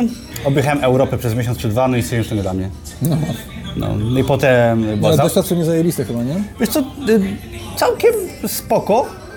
Znaczy, t- powiem tak, nie polecam pracy. Jakbyś miał możliwość pojechania sobie z kierowcą kiedyś na trzy tygodnie w trasę, tak. Ale jako pracę nie w życiu. Okej. Tyle obostrzeń, czas pracy, tachograf. Yy, jesteś cały czas w pracy, ciężka robota, trudna, skupienie, ciężarówka ogromna, nie możesz się pomylić, bo wiedziesz gdzieś w jakąś wioskę i cię helikopterem będą wyciągać. No po prostu, po prostu masakra. I no nie polecam, aczkolwiek no po tym człowiek się staje taki twarz, abyś poszedł do wojska i cię tak prawie zniszczyli i wychodzi z tego, kurczę, no teraz sobie już nic nie złamie. Bo to mnie złamało, no Jest nie? w tym coś. Potem była właśnie największa depresja po tej pracy. Gdzieś tam Ale myślisz, że była powodowana w jakimś części, jakiejś części tą pracą, czy... Znaczy kolejną porażką już, no bo to mi nie wyszło tamto staż już, już tam, gdzieś tam się załamałem dosłownie, zacząłem chodzić pierwszy raz do psychologa, gdzieś tam w jakimś MOPS-ie Miejski Ośrodek Pomocy Społecznej. Zapisała mnie moja była ówczesna. Yy, no słaba ta terapia była, muszę przyznać, aczkolwiek no przynajmniej mogłem się przespacerować tam, no nie? Miałem jakiś cel. I- Forma terapii. Forma terapii, no i, no ale wtedy był taki największy dołek, no nie? Totalnie naj, największy. Dzięki. I wtedy się pojawiła ta decyzja o przeprowadzce do Krakowa? Czy to Między, jeszcze- między innymi. Czy między to jeszcze innymi. upłynęło od tego Między innymi czasu? wtedy. Dziękuję. Dzięki. Dzięki. Mm, dawno nie piłem jaśminowej. No. Nie schodzisz, nie? Nie, nie. Czytałem ostatnio, że właśnie y, między innymi w Indiach jest największy odsetek cukrzyku, cukrzyków, ale najmniejszy odsetek raka. Okej. Ciekawe, bo podobno ciekawe. przyprawy dość, tak, ostre tak dość dobrze działają na powiedzmy raka. Coś, Ale- jakaś antyoksydacja czy coś? Czy z czego to wynika? Nie wiem, ale tak to działa? Ale z drugiej strony, że wszyscy mają cukrzycę, bo jedzą słodkie. No to mega ciekawe, no bo cukier teoretycznie też się mówi, że jest taką pożywką bardzo nowotworową. No nie? może, widać może nie taką największą, no nie? No w każdym razie, wtedy po jak mi nie wyszła już y, 38 praca, czwarty staż i tak dalej, firma pierwsza, no to się już załamałem, siedziałem w domu, już totalna porażka. I wtedy jeszcze pamiętam, przez parę miesięcy filmowałem wesela, bo się trafiło taka jakby oferta od cioci i kolegi, że ktoś zmarł, a były terminy, kamera i mogłem skoczyć jako kamerzysta po prostu tam w jakiś... zmarł kamerzysta, czy że co? Zmarł gościu, który miał firmę. Okej, tak zwane szczęście w nieszczęściu. Tak, tak. No i zaproponowano mi jakby, że przejęcie tam terminów na te parę miesięcy. Myślałem, że kręciłeś pogrzeb, jak powiedziałeś, że ktoś tam zmarł, się pojawił. Nie, nie, nie, nie. I, no i kręciłem tam powiedzmy przez pół sezonu wesela, tak troszkę sobie tam dorobiłem. No spoko. I oczywiście pokłóciłem się z tą panią, której mąż zmarł. Okej, No, ona miała takie dziwne wymagania. I, no, nie będę w to wchodził, jakby Jasne. może to nie jest temat, ale było i dziwnie i, i trochę śmiesznie, bo tak siadała czasami koło mnie, jakby coś chciała. No, ale no pokłóciliśmy się finalnie, bo nie chciała mi zapłacić. Mm. Bo uciąłem na weselu głowę komuś tam przy ołtarzu kamerą, w sensie, że nie było widać głowy. No, no ogólnie sytuacja taka w sumie śmieszna. No i wtedy pamiętam, padła mi w ręce, jak byłem po zabiegu korekcji wzroku. Był, była jesień, leżałem w depresji w domu, tak, nic nie mogłem robić. Książka, audiobook Sek- Sekret milionera z homikuj.pl. też audiobook, no tak. Tak. I wtedy ta książka odmieniła moje życie. Zapisałem sobie cele. To mówiłem wiele razy, ale te cele były na zasadzie będę miał oszczędności tam chyba 100 tysięcy, dochód z mojej firmy 10 tysięcy miesięcznie, jakieś fajne auto, chyba BMW sobie zapisałem, mieszkanie w Krakowie, własny biznes, no i tam garaż podziemny jeszcze. I to było wtedy takie zapisane marzenie, że No totalnie. Ambitne bardzo, nie? W sensie, że polecę na Marsa dzisiaj. To, to tak, dla, dla mnie to brzmiało wtedy, że dzisiaj polecę na Marsa. No, nie tak ma grałem z opcji. tymi 100 tysiącami wtedy Tak, też, ale zapiszę książkę, tak mówi, byłem w takim podnieceniu książkowym. Zapiszę, no co mi szkodzi w sumie? Tam było, za, chyba w tej książce to było, już nawet nie pamiętam, ale tam było, żeby sobie zapisać te cele. Tak, tak. To, było w tej książce, tak? Z tej, no. I be, zapiszę, no, no głupoty, ale się spełni. Zapisałem 5 lat, spełniło się może w, no nie wiem, 8, 7. No teraz mam dwa mieszkania, dwa mają garaże podziemny. Na koncie to już miałem dawno, wiele razy 100 tysięcy, z 10 czy 20 razy, tak? Zawsze no, gdzieś no, poszło na inwestycje. Jakby no, no nie mam BMW, ale no, o autach już rozmawialiśmy. Jasne. Y, i są inne priorytety. Yy, No, ale no, spełniło się wielo, wielokrotnie. Mam biznes, mam pieniądze, mam garaże podziemne, mam wspaniałą żonę, tego sobie nie zapisałem chyba. Chociaż nie wiem, czy nie Co to o zapisałem tobie sobie. mówi? Nie, może, wiesz co, nie pamiętam, muszę zerknąć, ale to też kiedyś tam na jakimś celu było, że chcę mieć żonę. Jasne. Yy, Dziecko mi się trafiło, tego też nie zapisałem, wspaniałe. Yy, I Się trafiło, mówisz, jakbyś wylosował. no nie, no po prostu aktywnie działałem, no nie? Jasne. To i się trafiło, tak? No. no. I w każdym razie spełniło się wielokrotnie. I ty, chciałem tak, no wam powiedzieć, tobie już nie muszę, ale tobie to gdzieś tam mówiłem między wierszami, że jeżeli wam się wydaje, że niemożliwe jest mieć swoją firmę, jakiś fajny zarobek, oszczędności, samochód, no mieszkanie, no fajne życie takie i, i wolność, bo ja teraz pracuję godzinę dziennie ostatnio, bardzo mało. Dość Też teraz chyba pracuję, nie wiem, chyba nie, może trochę. W pewnym sensie chyba W pewnym sensie tak, ale w sumie to nie. Fajnie mieć takie rozkminy, nie? Czy, czy Tak. jesteś w pracy, czy nie jesteś. I muszę przyznać, że no, to jest ta wolność, tak? I to się da zrobić. Wiadomo, że nie, nie może być to Amazon blog, ale to może być własna firma, to, to może być nawet lepszy etat, tak? To przecież nie o to chodzi, że etat jest zły, bo nie każdy się motywuje tą negatywnością, ale jak uwierzycie, że można coś zmienić, bum, robicie sobie fajny etat, fajne zarobki, coś ciekawego, też jest ta zmiana. A nie tkwienie w całe życie w miejscu takim, że go nie lubimy, no nie? Dokładnie. Przepraszam. To jest właśnie yy, no piękne, no nie? Także tak, można to zrobić i wtedy to było dla mnie nierealne, a to się spełniło i teraz jakby to jest normalne, że tam jak miesięcznie 50 tysięcy to jest y, załamka, tak? I to jest, to, jest, to jest zabawne po tych latach. Ja ten zeszyt gdzieś mam, ja go muszę sobie przejrzeć, to jest piękne. Fajnie, jakbyś zrobił taki właśnie, wiesz, film podsumowujący, nie? Kiedyś Co miałem, ale to tak jest na początku bloga, że ten zeszyt pokazywałem. Może to powtórzę, bo Trochę się chyba zmieniło od tamtego momentu. Sporo się zmieniło. Przepraszam, możesz mówić, ja muszę po prostu po tym pikantnym jedzeniu się wysmarkać? Jasne. Jeszcze przyszło właśnie teraz do głowy, że e, to się może wydaje takim truizmem, bo to się często słyszy, często się to powtarza, ale to jest cholernie prawdziwe, że w sensie kwestia przekonań na temat życia, na temat świata, na temat pieniędzy, tego wszystkiego, że jeżeli będziesz po pierwsze otaczać się osobami, które będą ci zawsze podcinać skrzydła, mówią, że o, w Polsce to się nie dało, nie, bo mi się nie udało, to tobie też się nie uda i w ogóle, takiego właśnie, takiego januszowego, cebulowego, cebulowego podejścia, jeżeli tacy ludzie cię otaczają, to nie ma szans, że się z tego wyrwiesz, chyba, że jesteś po prostu, masz jaja ze stali i, i postawisz się wszystkiemu i pójdziesz na swoje, ale to musisz mieć chociaż odrobinę jakiegoś wsparcia i jeżeli nie masz takiego wsparcia realnie w ludziach, to znajdź go chociażby w książkach właśnie. Na początku szczególnie. Bo Dokładnie. jest tak, że no, no większość z nas się wyrywa z jakiegoś otoczenia szkoły, rodzice, rodzina, często y, dziewczyna, narzeczona żona. Zazwyczaj są wszyscy anty. No, bo to nie jest takie bezpieczne jak etat, nie? Jak ja pamiętam, chciałem założyć firmę, to rodzice mówi, y, kręcili nosem pierwszą. Gdy chciałem zrobić pierwszy tatuaż, y, moja była, po- kręciła nosem, tak? Pretensje miała. I takich, to takie kupię przykłady może trochę, ale zawsze było. Jak chciałem coś zmienić, zawsze było kręcenie nosem. Chciałem się wyprowadzić, było kręcenie nosem. Zawsze były wąty do mnie. W sumie o co, nie wiem. Ale... Znam temat. No, także wiadomo o co chodzi, ale często warto się nawet wyprowadzić z domu, No, czasem wręcz nie ma miasta. wyjścia, można powiedzieć. Nawet nie ma wyjścia. Czasem rzucić tych ludzi gdzieś tam, że tak powiem, no nie, nie powiem brzydko, ale ten, yy, olać ich i właśnie być na początku przez pierwszy rok, dwa samemu, otoczyć się tymi książkami i powoli iść do przodu, otaczyć się tymi ludźmi, gdzieś tam sukcesu w książkach. Tak, bo oni się pojawią sami tak naprawdę, no bo ty automatycznie zaczniesz się interesować czym innym, Tak. czego innego słuchać, być w innych, nie wiem, grupach tematycznych, pójdziesz na przykład na spotkanie widzów czyjegoś kanału przykładowo, Tak. gdzie ja przecież poznałem ciebie, Myśmy się poznali a nie, no dokładnie. Może, Pozdrawiamy może poznacie tam na Więc- przykład swoją żonę czy męża na takim No spotkaniu, jasne, tak? to jest niesamowite miejsce i wibracja takiego spotkania to jest, ja wyszedłem stamtąd tak nabuzowany, że ja po prostu nie chciałem w ogóle ich spać, tylko chciałem napieprzać na Amazonie, Tak, nie? to jest piękne i, i tak jest. I często właśnie w ten rozwój cały osobisty, z którego się śmieją, to trzeba uwierzyć jak w religię, tak to porównuję. Tak. Często po prostu wierzymy, chodzimy do kościoła gdzieś tam i nie, nawet nie chcemy zrozumieć o co chodzi do końca, nie musimy, po prostu robimy to i to działa.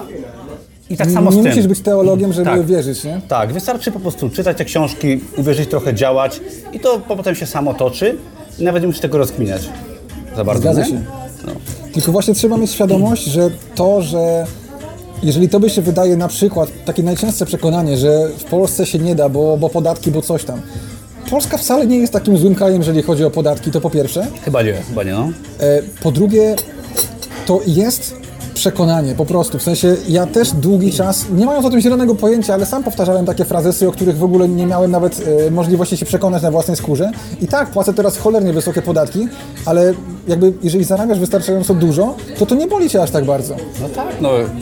To jest fakt, żeby zarobić 100 tysięcy na rękę, trzeba mieć, no nie w firmie, nie wiem, przychodu ze 180, tak? Coś takiego. Jakiś No. taki większy. No zależy oczywiście jaka firma, ale No i jaka forma opodatkowania? jaka forma no. opodatkowania. No przy mojej formie to już jest więcej niż przy twojej chyba trochę.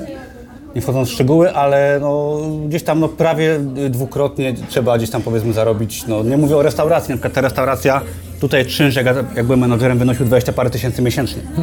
Koszt pracowników, jedzenia, zatowarowania jakichś tam innych mediów, no około 100 tysięcy.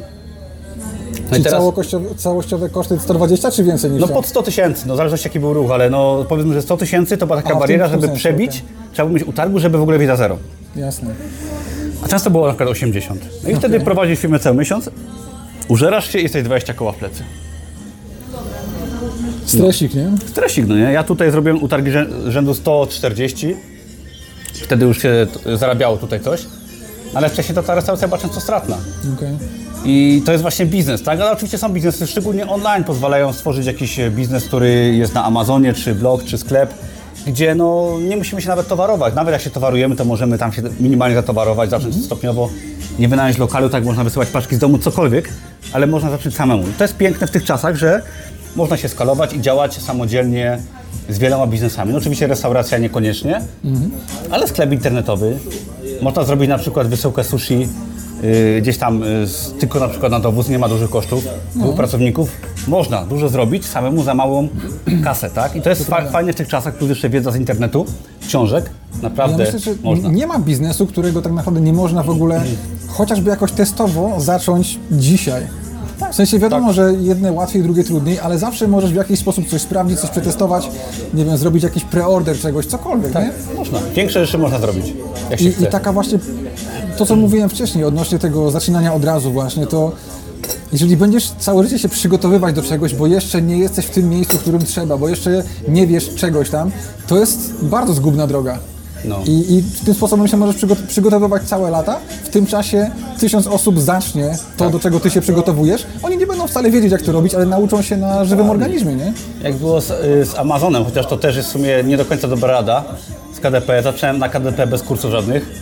Tutaj znowu y, reklama kursów y, moich i twoich, ale szczerze, bardzo szczera, bo jak zacząłem na Amazonie, wydałem swoją pierwszą książkę, nie wiedziałem nic o Amazonie, zrobiłem to na czuja, no, i prawie mi konto zablokowali, no bo to, to tam, jest- tam kwestia market, jak nie mar- wiesz, jak to marketingu, tam dzwonię do mamy, hej, kup moją książkę, tak? Kupiłam. Przynajmniej jej linka wysłałem. I No i co? I? I ostrzeżenie od Amazona, że ktoś, y, bo tam nie można przez znajomych kupować, dawać recenzji. Znaczy recenzji nie można Tak, tam, kupować, tam, można. tam weszła też chyba w grę właśnie recenzja. Okej, no to tak. To ja nie wiedziałem takich rzeczy na przykład. Tak, nie wiedziałem odnośnie marketingu. Książka się nie sprzedawała i prawie straciłem konto. Na dzień dobry. A jak kupiłem tam po jakimś czasie, kilku miesiącach kurs za 100 dolarów wtedy, miałem swojego bestsellera. USA. O seksie. Czy może być coś piękniejszego? I to jest moja ulubiona historia. Wtedy właśnie poznałem moją żonę, wydałem tego bestsellera o seksie dla kobiet i leżę sobie na plaży w Barcelonie bez majtek. Paulina czytała tego bestsellera, czy nie? Nie, ja go też nie czytałem. Okej, no to Oj, tam były, Fiverr.com. y, tam były ciężkie takie rady dla kobiet, naprawdę, w sensie, no, jak zadowolić faceta, żeby był z tobą na zawsze, no nie? To sobie wyobraź. Wyobrażam facetem, sobie, ale wiesz, co lubisz. dopiero co jadłem, więc No, wolę chyba jednak. także w każdym razie leżałem na plaży nudystów bez majtek, moja żona była w majtkach, bo ona się wstydziła, zawsze się wstydzi, na plażach nudystów i była sama w majtkach, gdzie się wstydziła, bo jest sama w majtkach. W każdym razie leżałem sobie bez majtek, słońce, no, żona, byliśmy, y, taka pełna miłość, Barcelona i sprzedaż na Amazonie dochód pasywny. No. No, po prostu wtedy to była taka zmiana przekonań, Że wtedy już wiedziałem, że ja z tego etatu jakoś odejdę, co by nie było, nigdy nie będę pracował na etacie, że da się. A ile minęło od tego momentu do odejścia? To było 2016, do odejścia minęło tak 2,5 roku. Okej. Bo potem, bo wtedy byłem kelnerem jeszcze. No i wtedy cisnąłem Amazona przez te jeszcze parę miesięcy, ale właśnie tutaj w tej knajpie zaproponowano mi bycie menadżerem. I na Amazonie miałem dochód pasywny, ale gdzieś tam jeszcze nie miałem takiego planu, wyszedł temat low content, zresztą no nie, nie znałem go. No i zaproponowano mi bycie menadżerem. Myślę, okej, y, rozwinę się, zarobię trochę więcej, jako człowiek się rozwinę. Żona mnie też bardzo, właśnie mówiliśmy o związkach, żona mnie, wtedy dziewczyna, powiedziała spróbuj. I wtedy czułem takie zaplecze kobiety, To jest super. że ona mówi, Tomek, dasz radę. I wtedy się, kurde, dam radę. Sam bym nie dał rady. Powiem Ci to szczerze, że bez niej bym nie dał rady. I Zajebiście. ona mi to powiedziała i tak mnie motywowała, bo no, jakby to czułem wtedy, wie, teraz wiem, że by- chcę być dobrym facetem, chcę być mężczyzną, że pracuję, że się rozwijam, jestem menadżerem. Ona wtedy mogła powiedzieć wśród rodziny, że jestem menadżerem.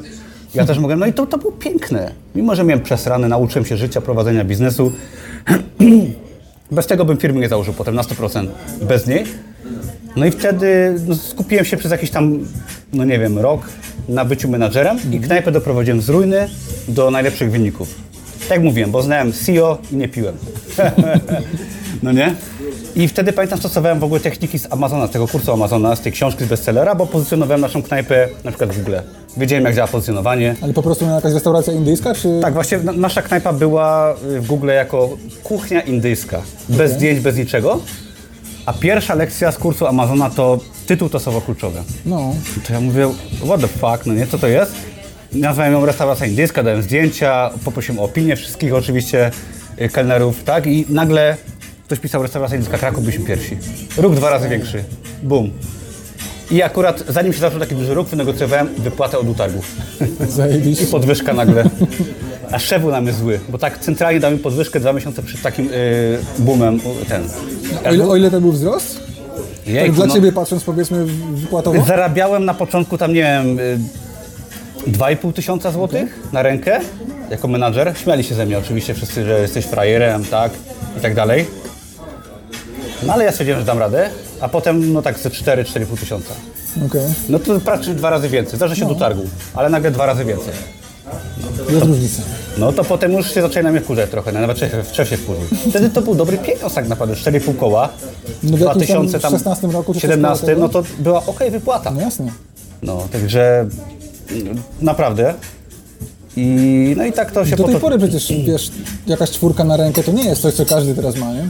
No teraz chyba i pasa minimalna 400 weszła, No, ale czyli czy mówisz 600 na rękę, nie? No. tak, 600 na rękę. Nauczyciele się wkurzyli, bo tyle zarabiają i nie dostali podwyżek. Ale kiedy to weszło?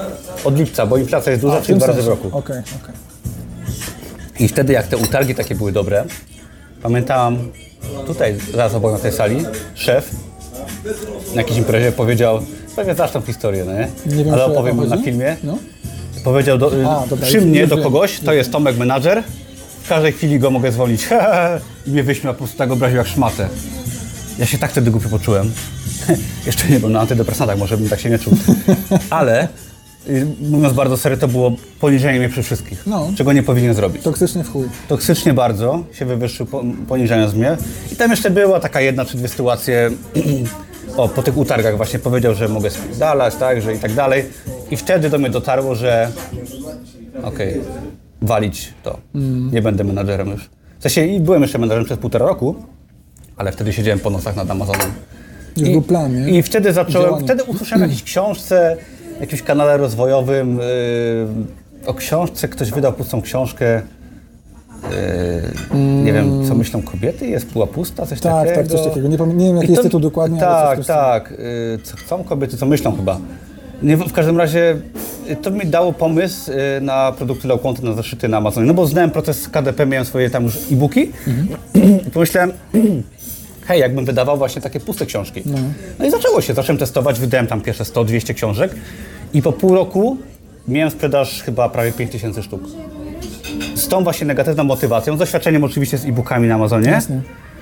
I nie było wtedy na YouTubie filmu nawet po angielsku, zeszyty, low content, nic nie było takiego. Ja to po prostu wymyśliłem. No chyba, że ktoś to, pewnie też to wymyślił gdzieś tam sam, ale nie było na YouTubie tego kontentu, tak? Czy po angielsku, czy po polsku. Po prostu zacząłem działać na bazie swoich doświadczeń W pewnym biznesowych. sensie można powiedzieć, że byłeś pionierem, jeżeli o to chodzi. Nawet nie tylko w Polsce, z tego co rozumiem, nie? Nie wiem jak za granicą. Nie chcę się tak, ale w Polsce na pewno, tak? I jakby no, ja, ja pamiętam jak mnie skopiowali moi kursanci i to kilku tak chamsko No. i zaczęli stosować pojęcie low content. A ja mówię, co to znaczy? A Nie, to szczegół- akurat low content chyba przyszło już za granicę, tak, ale w sensie no, to był low content, czy ja mówiłem zeszyty, tak? Oni mówili low content, ja mówię, co to jest? Zacząłem się interesować. Tak naprawdę to, to i tak nie jest dobre nazewnictwo, bo to jest bardziej no content, nie? Tak, no content, no potem no Amazon prowadzi w zeszłym roku w ogóle tą kategorię low jest content. jeszcze inna sprawa, no Tak, ale ja wtedy właśnie patrzyłem na tych, co mnie skopiowali, co to jest i robili to samo co ja, tylko nagle się okazało, że to ma nazwę, tak? No. To było zabawne. No w każdym razie, no i wtedy pamiętam jak y, wpadło z tego z Amazona, nie wiem, wtedy to 2,5 tysiąca chyba euro y, w grudniu. Poczułem, jej, to jest to. Jeszcze potem rok, chyba tak? Nie. Nie, to, to, to już był ostatni rok praktycznie, bo te, już nie pamiętam dokładnie tych ram czasowych. W każdym razie to była końcówka etatu. Użałem się, zarobiłem na Amazonie. No i potem, o, potem otworzyłem bloga. Jeszcze rok pracowałem z blogiem, tak. Otworzyłem bloga. Na Amazonie było bardzo fajnie, stworzyłem bloga i myślałem, że będę dorabiać. Okazało się, że tam kurs Produkt 24 okazał się bestsellerem po czasie. No i nadszedł grudzień, na Amazonie zrobiłem parę tysięcy, na blogu parę tysięcy, no i na etacie parę tysięcy. I powiedziałem wtedy, to pamiętam mojej żonie, w sobotę, siedzę tu jak każdą sobotę, że już mam dość tej pracy, że muszę tu siedzieć, jeść to indyjskie żarcie, już mam dość, no nie? Za darmo. I już nie chcę. Ona powiedziała, no wiesz, że się zwolni, no i się zwolniłem. No i tyle, no. Jak to się skończyło. No I potem, w sumie jak przeszedłem na biznes na pełen etat, tak jak ty, biznes na pełen etat, to się zaczęło i wtedy się biznes w ogóle rozwinął jeszcze bardziej, szczególnie blogowy, pojawił się pierwszy milion. No, u ciebie już też szybko- szybko chyba. to miałeś, no w miarę niedaleko. No. Ale mm, ile ci zajęło do tego pierwszego miliona? W sensie nawet nie tyle, że takiego faktycznie miliona, wiesz, y, w asetach i we wszystkim, tylko takiego obrotu powiedzmy na sklepie chociażby. Jejku, Bo pamiętam obrotu na sklepie nie ciebie, pamiętam kiedy, no z 2020 roku, strzelam, nie musiałbym sprawdzić. No na pewno jeżeli chodzi o wartość netto to był 2021 rok chyba, czy 20, też jakoś tak. Ale ten, y, y, mm, no tak od pierwszego, od pierwszej książki to 8 lat jakieś, no nie? Pierwszy milion. Od pierwszej 8 książki czy, w sensie- czy 7, no. W sensie książki amazonowe czy Nie, książki książki przeczytane? yy, Sekret Milionera. Jasne. Od pierwszego pierwszej książki na Amazonie to jakieś yy, 5 lat. Nie, no to wciąż jest Także to nie jest takie konkretny super wynik. szybkie, no nie? Ale wciąż bardzo... Ja też nigdy nie, nie sądziłem, że zrobię milion w ogóle. Ja nie miałem takich planów. Ja miałem plan po prostu żyć w spokoju. W ogóle nie myślałem, że etat rzucę. Nie wiem, czy ty tak miałeś, ale ja... Znaczy, z- wiesz co, z etatem to akurat miałem... To jest ciekawa historia dosyć, bo mój plan na odejście z etatu, zanim w ogóle te wszystkie Amazony się pojawiły i tak dalej, to w trakcie trwania tego etatu ja miałem kilka innych pomysłów na to. I jednym z nich był w ogóle kanał YouTube'owy, tylko że zupełnie inny, z, z, z muzyką, w sensie z coverami wokalnymi. Pamiętam, opowiadałeś o tym, no. Tak, i no, z tym się wiąże bardzo postranna historia. Nie wiem, czy jestem już gotowy, żeby ją opowiedzieć Okej. publicznie, bo to była rzecz, no taka, w którą myślę, że dużo osób może mi nie uwierzyć, że miała miejsce naprawdę, ale no mniejsza z tym. W każdym razie po prostu miałem taki kanał, prowadziłem go przez ponad rok i fajnie się to nawet rozwijało i pamiętam, że to był jeden z moich takich pomysłów, który chciałem, którym chciałem zastąpić etat, nie? Bo miałem też takiego znajomego ze Szwecji, e, Roba Lundgrena, świetnego wokalistę, który właśnie taki kanał miał, bardzo mnie to inspirowało, tam miałem okazję z nim porozmawiać trochę i on co prawda mówił, że ten YouTube sam sobie to nie są wielkie pieniądze, co teraz też już rozumiem, bo z samego sobie YouTube'a tam jakby szału nie ma, wi- wiadomo, ale e, sama sobie idea, żeby robić coś, co kocham i mieć z tego pieniądze i chcieć to skalować do tego stopnia, żeby, żeby faktycznie móc się uwolnić od etatu, to był chyba może nie pierwszy raz, kiedy pomyślałem, żeby coś takiego zrobić, ale jeden z pierwszych. I pierwszy, kiedy podjąłem tak duże faktycznie starania w tym kierunku. Aha. E, nie pamiętam z czego wyniknęła ta anegdota w sumie, bo coś miałem powiedzieć i zgubiłem troszeczkę temat. Nie pamiętam z czego, w każdym razie, no, no własny biznes, tak, odejście z etatu. Yy, Kurde, szkoda, bo to było chyba coś ważnego, ale mniejsza. Może W każdym razie to odejście z etatu, tak? I to się, ja nigdy nie chciałem odejść z etatu, nie sądziłem. Pamiętam, jak wypuszczyłem pierwszy kurs, to mówię, a dorobię sobie 500 zł miesięcznie na blogu, Dokładnie. tak, będę miał tam no, na cokolwiek, tak, będzie mieć, odłożę sobie na mieszkanie. I nawet nagrałem dosłownie wczoraj TikToka o tym samym, co teraz Tak? powiedziałeś, no. O. Że, że właśnie początkowo chciałem sobie tylko dorobić parę stów do, do, Tak, tak. do, do wypłaty, nie? A się to troszeczkę inaczej potoczyło. Tak myślałem, że będzie 500 zł miesięcznie, ja pamiętam, że pierwszego dnia sprzedałem za 500 zł na przykład i było takie wow. Jak pierwszego dnia. Yy, No ku- kurs, jak wypuściłem produkt, tak? A kurs, myślałem, Tak, tak. że mówisz w ogóle o Amazonie jeszcze. Nie, w Amazonie to było bardziej takie regularne, stopniowe, mniejsze kwoty. Tak, no właśnie do tego tak się działa zdziwiłem, Amazon? że gdyby to było w pierwszy dzień, to było... No tak, to nie, no to, to takich, na Amazonie bardziej są takie pojedyncze dolary na początku, Jasne. nie? Tam są produkty Kopalnie. raczej niskokosztowe. Tak.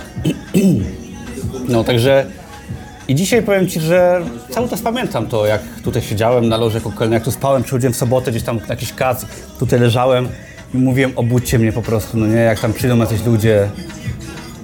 Tak było, Ale niesamowite. to jest to, co też mm, rozmawialiśmy idąc tutaj, nie? Że, że trzeba w sobie jakoś pobudzać tego typu wspomnienia, bo to jest właśnie, zwłaszcza jeżeli taka motywacja negatywna Cię motywuje, to musisz mieć z tyłu głowy to, skąd przychodzisz, powiedzmy, nie? Tak, trzeba mieć. Tak patrzę sobie na te rusztowania tutaj. Moja poprzednia naruszczona, z- co pracowała tutaj, byliśmy razem półtora roku, wisiała na tym, skoczyła na mnie z góry o drugiej w nocy, jak tu byliśmy sami. I jej tata powiedział jej, że jestem tylko kelnerem. I strasznie mnie nie lubił przez to, no miałem 10 lat więcej, byłem kelnerem. I no wiadomo, no chciałbyś, żeby twoja 20-letnia córka zadawała się z 30-letnim kelnerem. Nie ma opcji. Nie myślałem o tym jeszcze. Ale nigdy. pewnie nie. No nie? W sensie No miałbyś nie. opory. Ja, no wiadomo, ja trochę mam inne podejście, ale yy, no gdzieś tam w każdym razie odradzał jej. No. I to zniszczyło nasz związek w dużej mierze. I dzisiaj tak sobie tu siedzę, sobie patrzę do góry, wspominam sobie heh, i sobie tak myślę, heh. I co? Może go zatrudnij teraz, tak? No, właśnie, no nie? Oczywiście on nie musi o tym wiedzieć, nie o to chodzi, no nie? Jakby nie o to chodzi, że go dzwonię, czy się z niego śmieje, czy... Ale często się sobie śmiejemy, z kogoś wyśmiewamy, a ten ktoś to wtedy jest- ma tak. ciężko.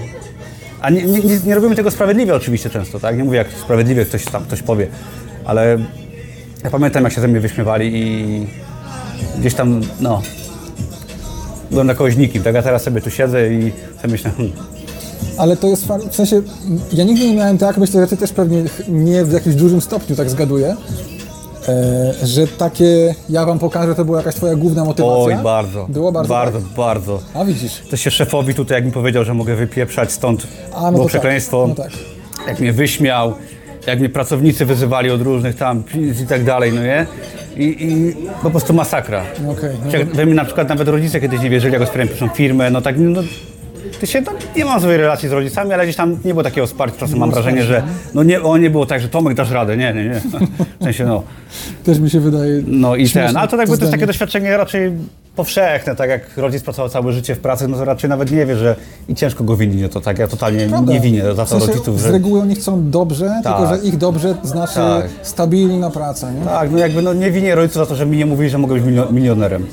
W sensie, No myślę, że gdyby każdemu dziecku się coś takiego mówiło, to wiele dzieci mogłoby mieć zryte psychiki. tak, nie? i również byłoby źle. W każdym No. razie i to mnie tak motywowało, ta złość, na tych y, klientów, co mnie tak poniżali, na te żygi, co sprzątałem, no na wszystko. Na wszystko, na wszystko, naprawdę. Szczerzarówki tutaj wkręcałem, pamiętam każdą z nich. One są do dzisiaj te same. Mocno energooszczędne. Tak, no nie, te LEDowe się nie przepalają. Ale coś miałem mówić. To ja na przykład nie miałem za bardzo tego typu podejścia. Wiadomo, że miałem też gdzieś tam w swoim otoczeniu, w pracy zwłaszcza, jakieś osoby, które prześmiewały to, co robię. E, Jak zaczynałem jakieś tam mercie, czy jak zacząłem w ogóle z YouTube'em czy coś, to jak ten temat gdzieś tam wypłynął powiedzmy w pracy, to była cała grupa ludzi, które oczywiście, wiadomo, jak to, tego typu ludzie nigdy nie powiedzą ci niczego w twarz, Oczywiście. bo, bo są obstrani, ale, ale gdzieś tam po- poza twoimi plecami różne rzeczy mówią. I Miałem ostatnio rozmowę z moim serdecznym kumplem Mieszkiem. Jeżeli to słuchasz, to Cię bardzo pozdrawiam. I opowiadał mi taką sytuację, która się już działa w tej pracy długo po moim odejściu, gdzie nie pamiętam jaka to była okazja, jakaś wigilia firmowa czy coś w tym rodzaju. I jeden z chłopaków z tej firmy gdzieś tam poruszył mój temat i coś tam mówią, że no Bober teraz sprzedaje jakieś koszulki na Amazonie czy coś w tym stylu. koszulki. I zaczęli sobie z tego beczkować. I właśnie Mieszko wtedy wspomniał, ale wiesz, że on z nas wszystkich teraz jest najbliżej pierwszego miliona i że jakby trochę się śmieje z tej pracy już, nie? To fajnie motywuje coś takiego, jak ktoś ciebie śmieje, no nie? To prawda. Nie, to jest fajne, to jest fajne, no naprawdę. I Dlatego nie trzeba udowadniać, już ja wiem, to jest taka fajna motywacja. To, to, chyba nagrałem Znaczy, nie film. trzeba, ale jest to na pewno bardzo Fajne, jakieś tak takie budujące. Sobie, tak nie, że tam mówię komuś, no nie? Ale po prostu tak, nikomu nie mówię przecież, no nie? Teraz o tym. No nie, skądże. No, także, Rozmawiamy całkowicie prywatnie. no, także prywatna rozmowa w restauracji. O, I tak właśnie patrzę sobie, przypominam, jest to mnóstwo ludzi chyba z Dubaju, czy no powiedzmy, jak to się mówi tak poprawnie, ludzie muzułmanów? Y, No, Arabów, tak? Nie wiem. y, Znaczy, szczerze, ja nie do końca rozróżniam po karnacji, więc No, no, w każdym razie muzułmanów, powiedzmy, że z Bliskiego Wschodu i pamiętam, że obsługiwanie ich było największym koszmarem. Nie, że coś tam do nich mam, ale po prostu była inna kultura, która bardzo brudziła i dla kelnera, który nie dostała od nich napiwku, bo nie dawali, było najgorszym doświadczeniem i dużo pracy za... Za- no, za darmo brak- właściwie. Jasne. no i to tak mi teraz się przypomniało i tak mi się właśnie przypomina i to tak te wspomnienia trudne z tym miejscem związane są piękne. Jak już wiesz, że nie musisz i daje tą radość prowadzenia biznesu. Jeszcze tak chyba powoli kończąc, będziemy brać rachunek, myślę. Chyba tak. Właścicielem tej kamienicy jest taki pan, którego serdecznie pozdrawiam. Yy, no, znałem go trochę. To jest jego kamienica, mi się urodził. I jemu proponowali chyba, on mógł ją sprzedać za 60 baniek, czy coś takiego. Proponowali mu chyba wy- wynajem za, nie wiem, 200 tysięcy złotych miesięcznie. Nie musiałby nic zrobić. A on ją do dzisiaj prowadzi, sam wynosi śmieci. I re- rewitalizuje, codziennie w niej jest, pracuje, jeździ jakimś kombi tam normalnym. I mógłby mieć kilkadziesiąt baniek, czy kilkaset tysięcy miesięcznie na automacie. On tu każdego dnia wstaje, wynosi kubły, czyści elewację, zajmuje się wszystkim. Pieniądze to nie wszystko, nie? Nie, to nie wszystko, dlatego tak ważne swoją pasję znaleźć. I oczywiście kasa jest ważna, żeby nie mieszkać z teściami, bo to jest koszmar. Ja sobie nie byli fajni, ale żeby właśnie spełniać się To prawda. i no, dlatego chyba gdzieś tam te filmy mają zachęcić wszystkich, no nie? Tak, no myślę, że przede wszystkim do jakiegoś takiego odważnego działania, nie? którego faktycznie myślę, że i w moim i twoim przypadku, gdybyśmy trochę wcześniej się przełamali, to pewnie byśmy na tym wyszli jeszcze lepiej niż i tak No wyszliśmy. tak, no zawsze wcześniej byłoby lepiej. Staram się zawołać Jotiego. Jest. I ten. Y... No tak, bez tego by się nie udało, no nie? Wcześniej, no wolałbym jak miałem 20 lat, ale z drugiej strony tak mówiliśmy przed tym y, nagraniem, że y, kurczę, gdybym był tak od dziecka wychowany, to by mnie to w pewnym sensie nie cieszyło, że W sensie ta firma i cała ta droga. jak nie? teraz siedzę na przykład z tobą na kolacji, wiem, że jest to dla mnie żaden wydatek, że nie muszę iść do pracy i z drugiej strony pamiętam to, jak sprzątałem te kible, to tak mnie to cieszy za każdym razem, że no to tego się nie da y, zmienić. Po prostu jak mogę sobie pospać, jak nie muszę iść do pracy, jak siadam do auta i tankuję, nie myślę za ile. To jest po prostu piękne. No, Dokładnie. Ja tak samo wczoraj oglądałem do późna film i stwierdziłem, dobra, to bez żadnego budzika dzisiaj wstaję. Elegancko pospałem sobie do chyba 9.15 czy coś w tym stylu No, i właśnie wiesz. miałem takie, kurde, jak dobrze móc to zrobić po prostu. Tak, tak. Kurczę, no. Także to, to jest... I to jest właśnie piękne, nie to auto na leasing. Znaczy, wiadomo, jak cię stać, to pewnie sobie kupię za parę jakieś lepsze auto, nie o to chodzi, ale... pieniądze też po to są, żeby z nich korzystać. Tak, więc jakby jeżeli- wiadomo, jeżeli ale to ci żeby jara, nie to żyć sobie ponad to rób, stan ale- No. i mieć tą wolność, że, żeby nie musieć nawet na ten leasing, na tą BMK zapieprzać. No Dokładnie. nie? Dokładnie. Także o to właśnie chodzi. Stajesz w poniedziałek, ja tak mam już od tygodnia, bo w zeszłym tygodniu miałem tam sporo spraw rodzinnych, jak wiesz, to ci mówiłem, jakieś pogrzeby, chrzciny, wszystko miałem. W każdym razie mm, pracowałem po godzince, mogłem dospać, iść na siłownię, nie ma problemu, tak? I teraz też w sumie dzisiaj nie pracowałem, praktycznie byłem na zakupach i na siłowni dzisiaj. Byłem w Lidlu, kupiłem sobie jakieś tam bataciki, yy, no dzisiaj się wid- widziałem z Tobą, tak widzimy się razem, jest po prostu super. I sobie pracujemy. Tak, i to jest taka praca, tak, i to jest ta właśnie wolność. Okay. Wiesz co, bo teraz chyba się nie da tipków dawać kartą, Serio? To No. ja mogę dać tipa. yy, a masz jakieś tam dwie dychy czy coś? E, tak, mm, to Okej, może... okay, Juti, yy, okej, yy, I will pay cash. So, okay, Cash, okej. fine. Też mogę jak coś kaszować. No, nie, bo damy dwie stóweczki, to będzie miał Juti 30 na piwku, no nie? Spoko. No, także możemy po stówce dać, oj będzie. Dobra, Żeby się nie, nie kłócić i nie pamiętać to ten. dobra.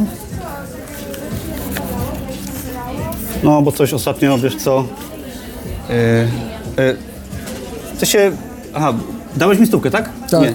No przed momentem. To nie jest ta, co To nie, to daje po prostu, dwie, ty dajesz stówkę, dajesz stówkę i płacimy mu dwie stówki. na Aha, 30 tipa. myślałem, że jest okej, okej. No, no, no, no. Myślałem, że mówisz, że jest 200 rachunek. No, no. Y, I ten, i...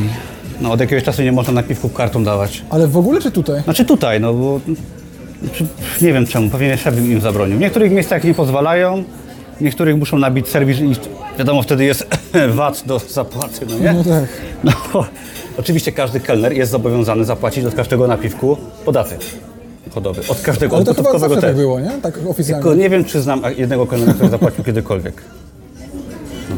Także to taka ciekawostka z kelnerskiego świata. No, oczywiście jak się nabija serwis na rachunek, trzeba już zapłacić podatek. No, a niektórzy restauratorzy, szefowie nie pozwalają dawać napiwków no, kartą. Nie, bo nie. U nas nie było tego problemu. No, często jak ktoś miał nawet liczony serwis i wiedział, że jest yy, serwis, że dawał napiwek, to był najlepszy klient. Czasami jak ktoś był pijany, mieliśmy od sześciu osób na przykład serwis. Czy jak było sześć osób, super, nieważne, czy to są z Bliskiego Wschodu, wszyscy byli mile widziani. Jak było pięć, to już był klient wróg. No nie? Czekaj, nie kumam. Popatrz, jak było sześć osób, to nabijaliśmy im z automatu serwis, tak pisało w menu. Aha, Czyli w tym 10% sensie. do rachunku. Okej, okej, no to wtedy każdy klient był mile welcome sir, no nie? Ale jak było pięć osób, o, to już było źle. No tak. To już, wiesz... To Ale... była jakaś wasza wewnętrzna zasada z tymi pięcioma osobami, czy... Nie, tak było w menu, oficjalna. Okej. No, no i wtedy jak ktoś zobaczył serwis, no ale tu jest menu, a okej, dobra, no. No ale jak ktoś był piany, no to się dobijało, no nie? I płacił serwis, no nie? No, tak to wyglądało. No raz były takie chyba pięć dziewczyn, pięć tak, no bo nie było serwisu. Jedna chciała iść ze mną do klubu. A ja niestety miałem wtedy dziewczynę, tą poprzednią narzeczoną i kurczę, nie mogłem się wybrać. Okej. Aczkolwiek chciałem. Czuję wtedy, że chciałem. No ale chociaż im serwis nabiłem. I pamiętam pięć dych wtedy tak, jeden guzik 50 zł. No, jakieś chyba no, y, Szwedki czy Norweżki. No, takie piane, no nie? Nie, to jak zarabiałem w koronach, raczej ich to nie dotknęło bardzo. No raczej nie, no jakby no. W każdym razie no, praca kelnera polecam spróbować w gastronomii. Można się czegoś nauczyć, no nie? I jest fajnie, no.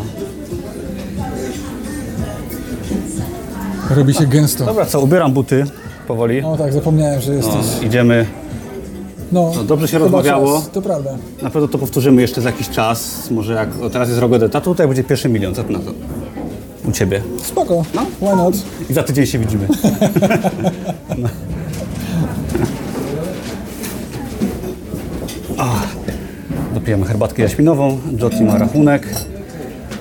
Ech, No co, w ogóle tak przy okazji zapraszamy wszystkich do restauracji Indus Tandor. Yy, Tomasza 18 Kraków. Kiedyś tu pracowałem jako kelner, teraz yy, była to inna knajpa, jest bardzo fajnie. Nie pytaliśmy ich o zgodę o nagrywanie, ale jak ich oznaczymy, to myślę, że się nie obrażą. No, Także no, tylko trzeba będzie przemyśleć, co powiedziałeś na temat tej knajpy jeszcze. No. Czy to będzie na pewno dla nich dobra reklama? Yy, nic nie mówiłem dzisiaj jest takiego złego, a to co zrobiłem złego, to jest opisane w książce, to co podobno kelnerzy robią w restauracjach, to tu była inna knajpa, inne czasy, także co tam. Dobra, no to lecimy. Dzięki. Trzymajcie się.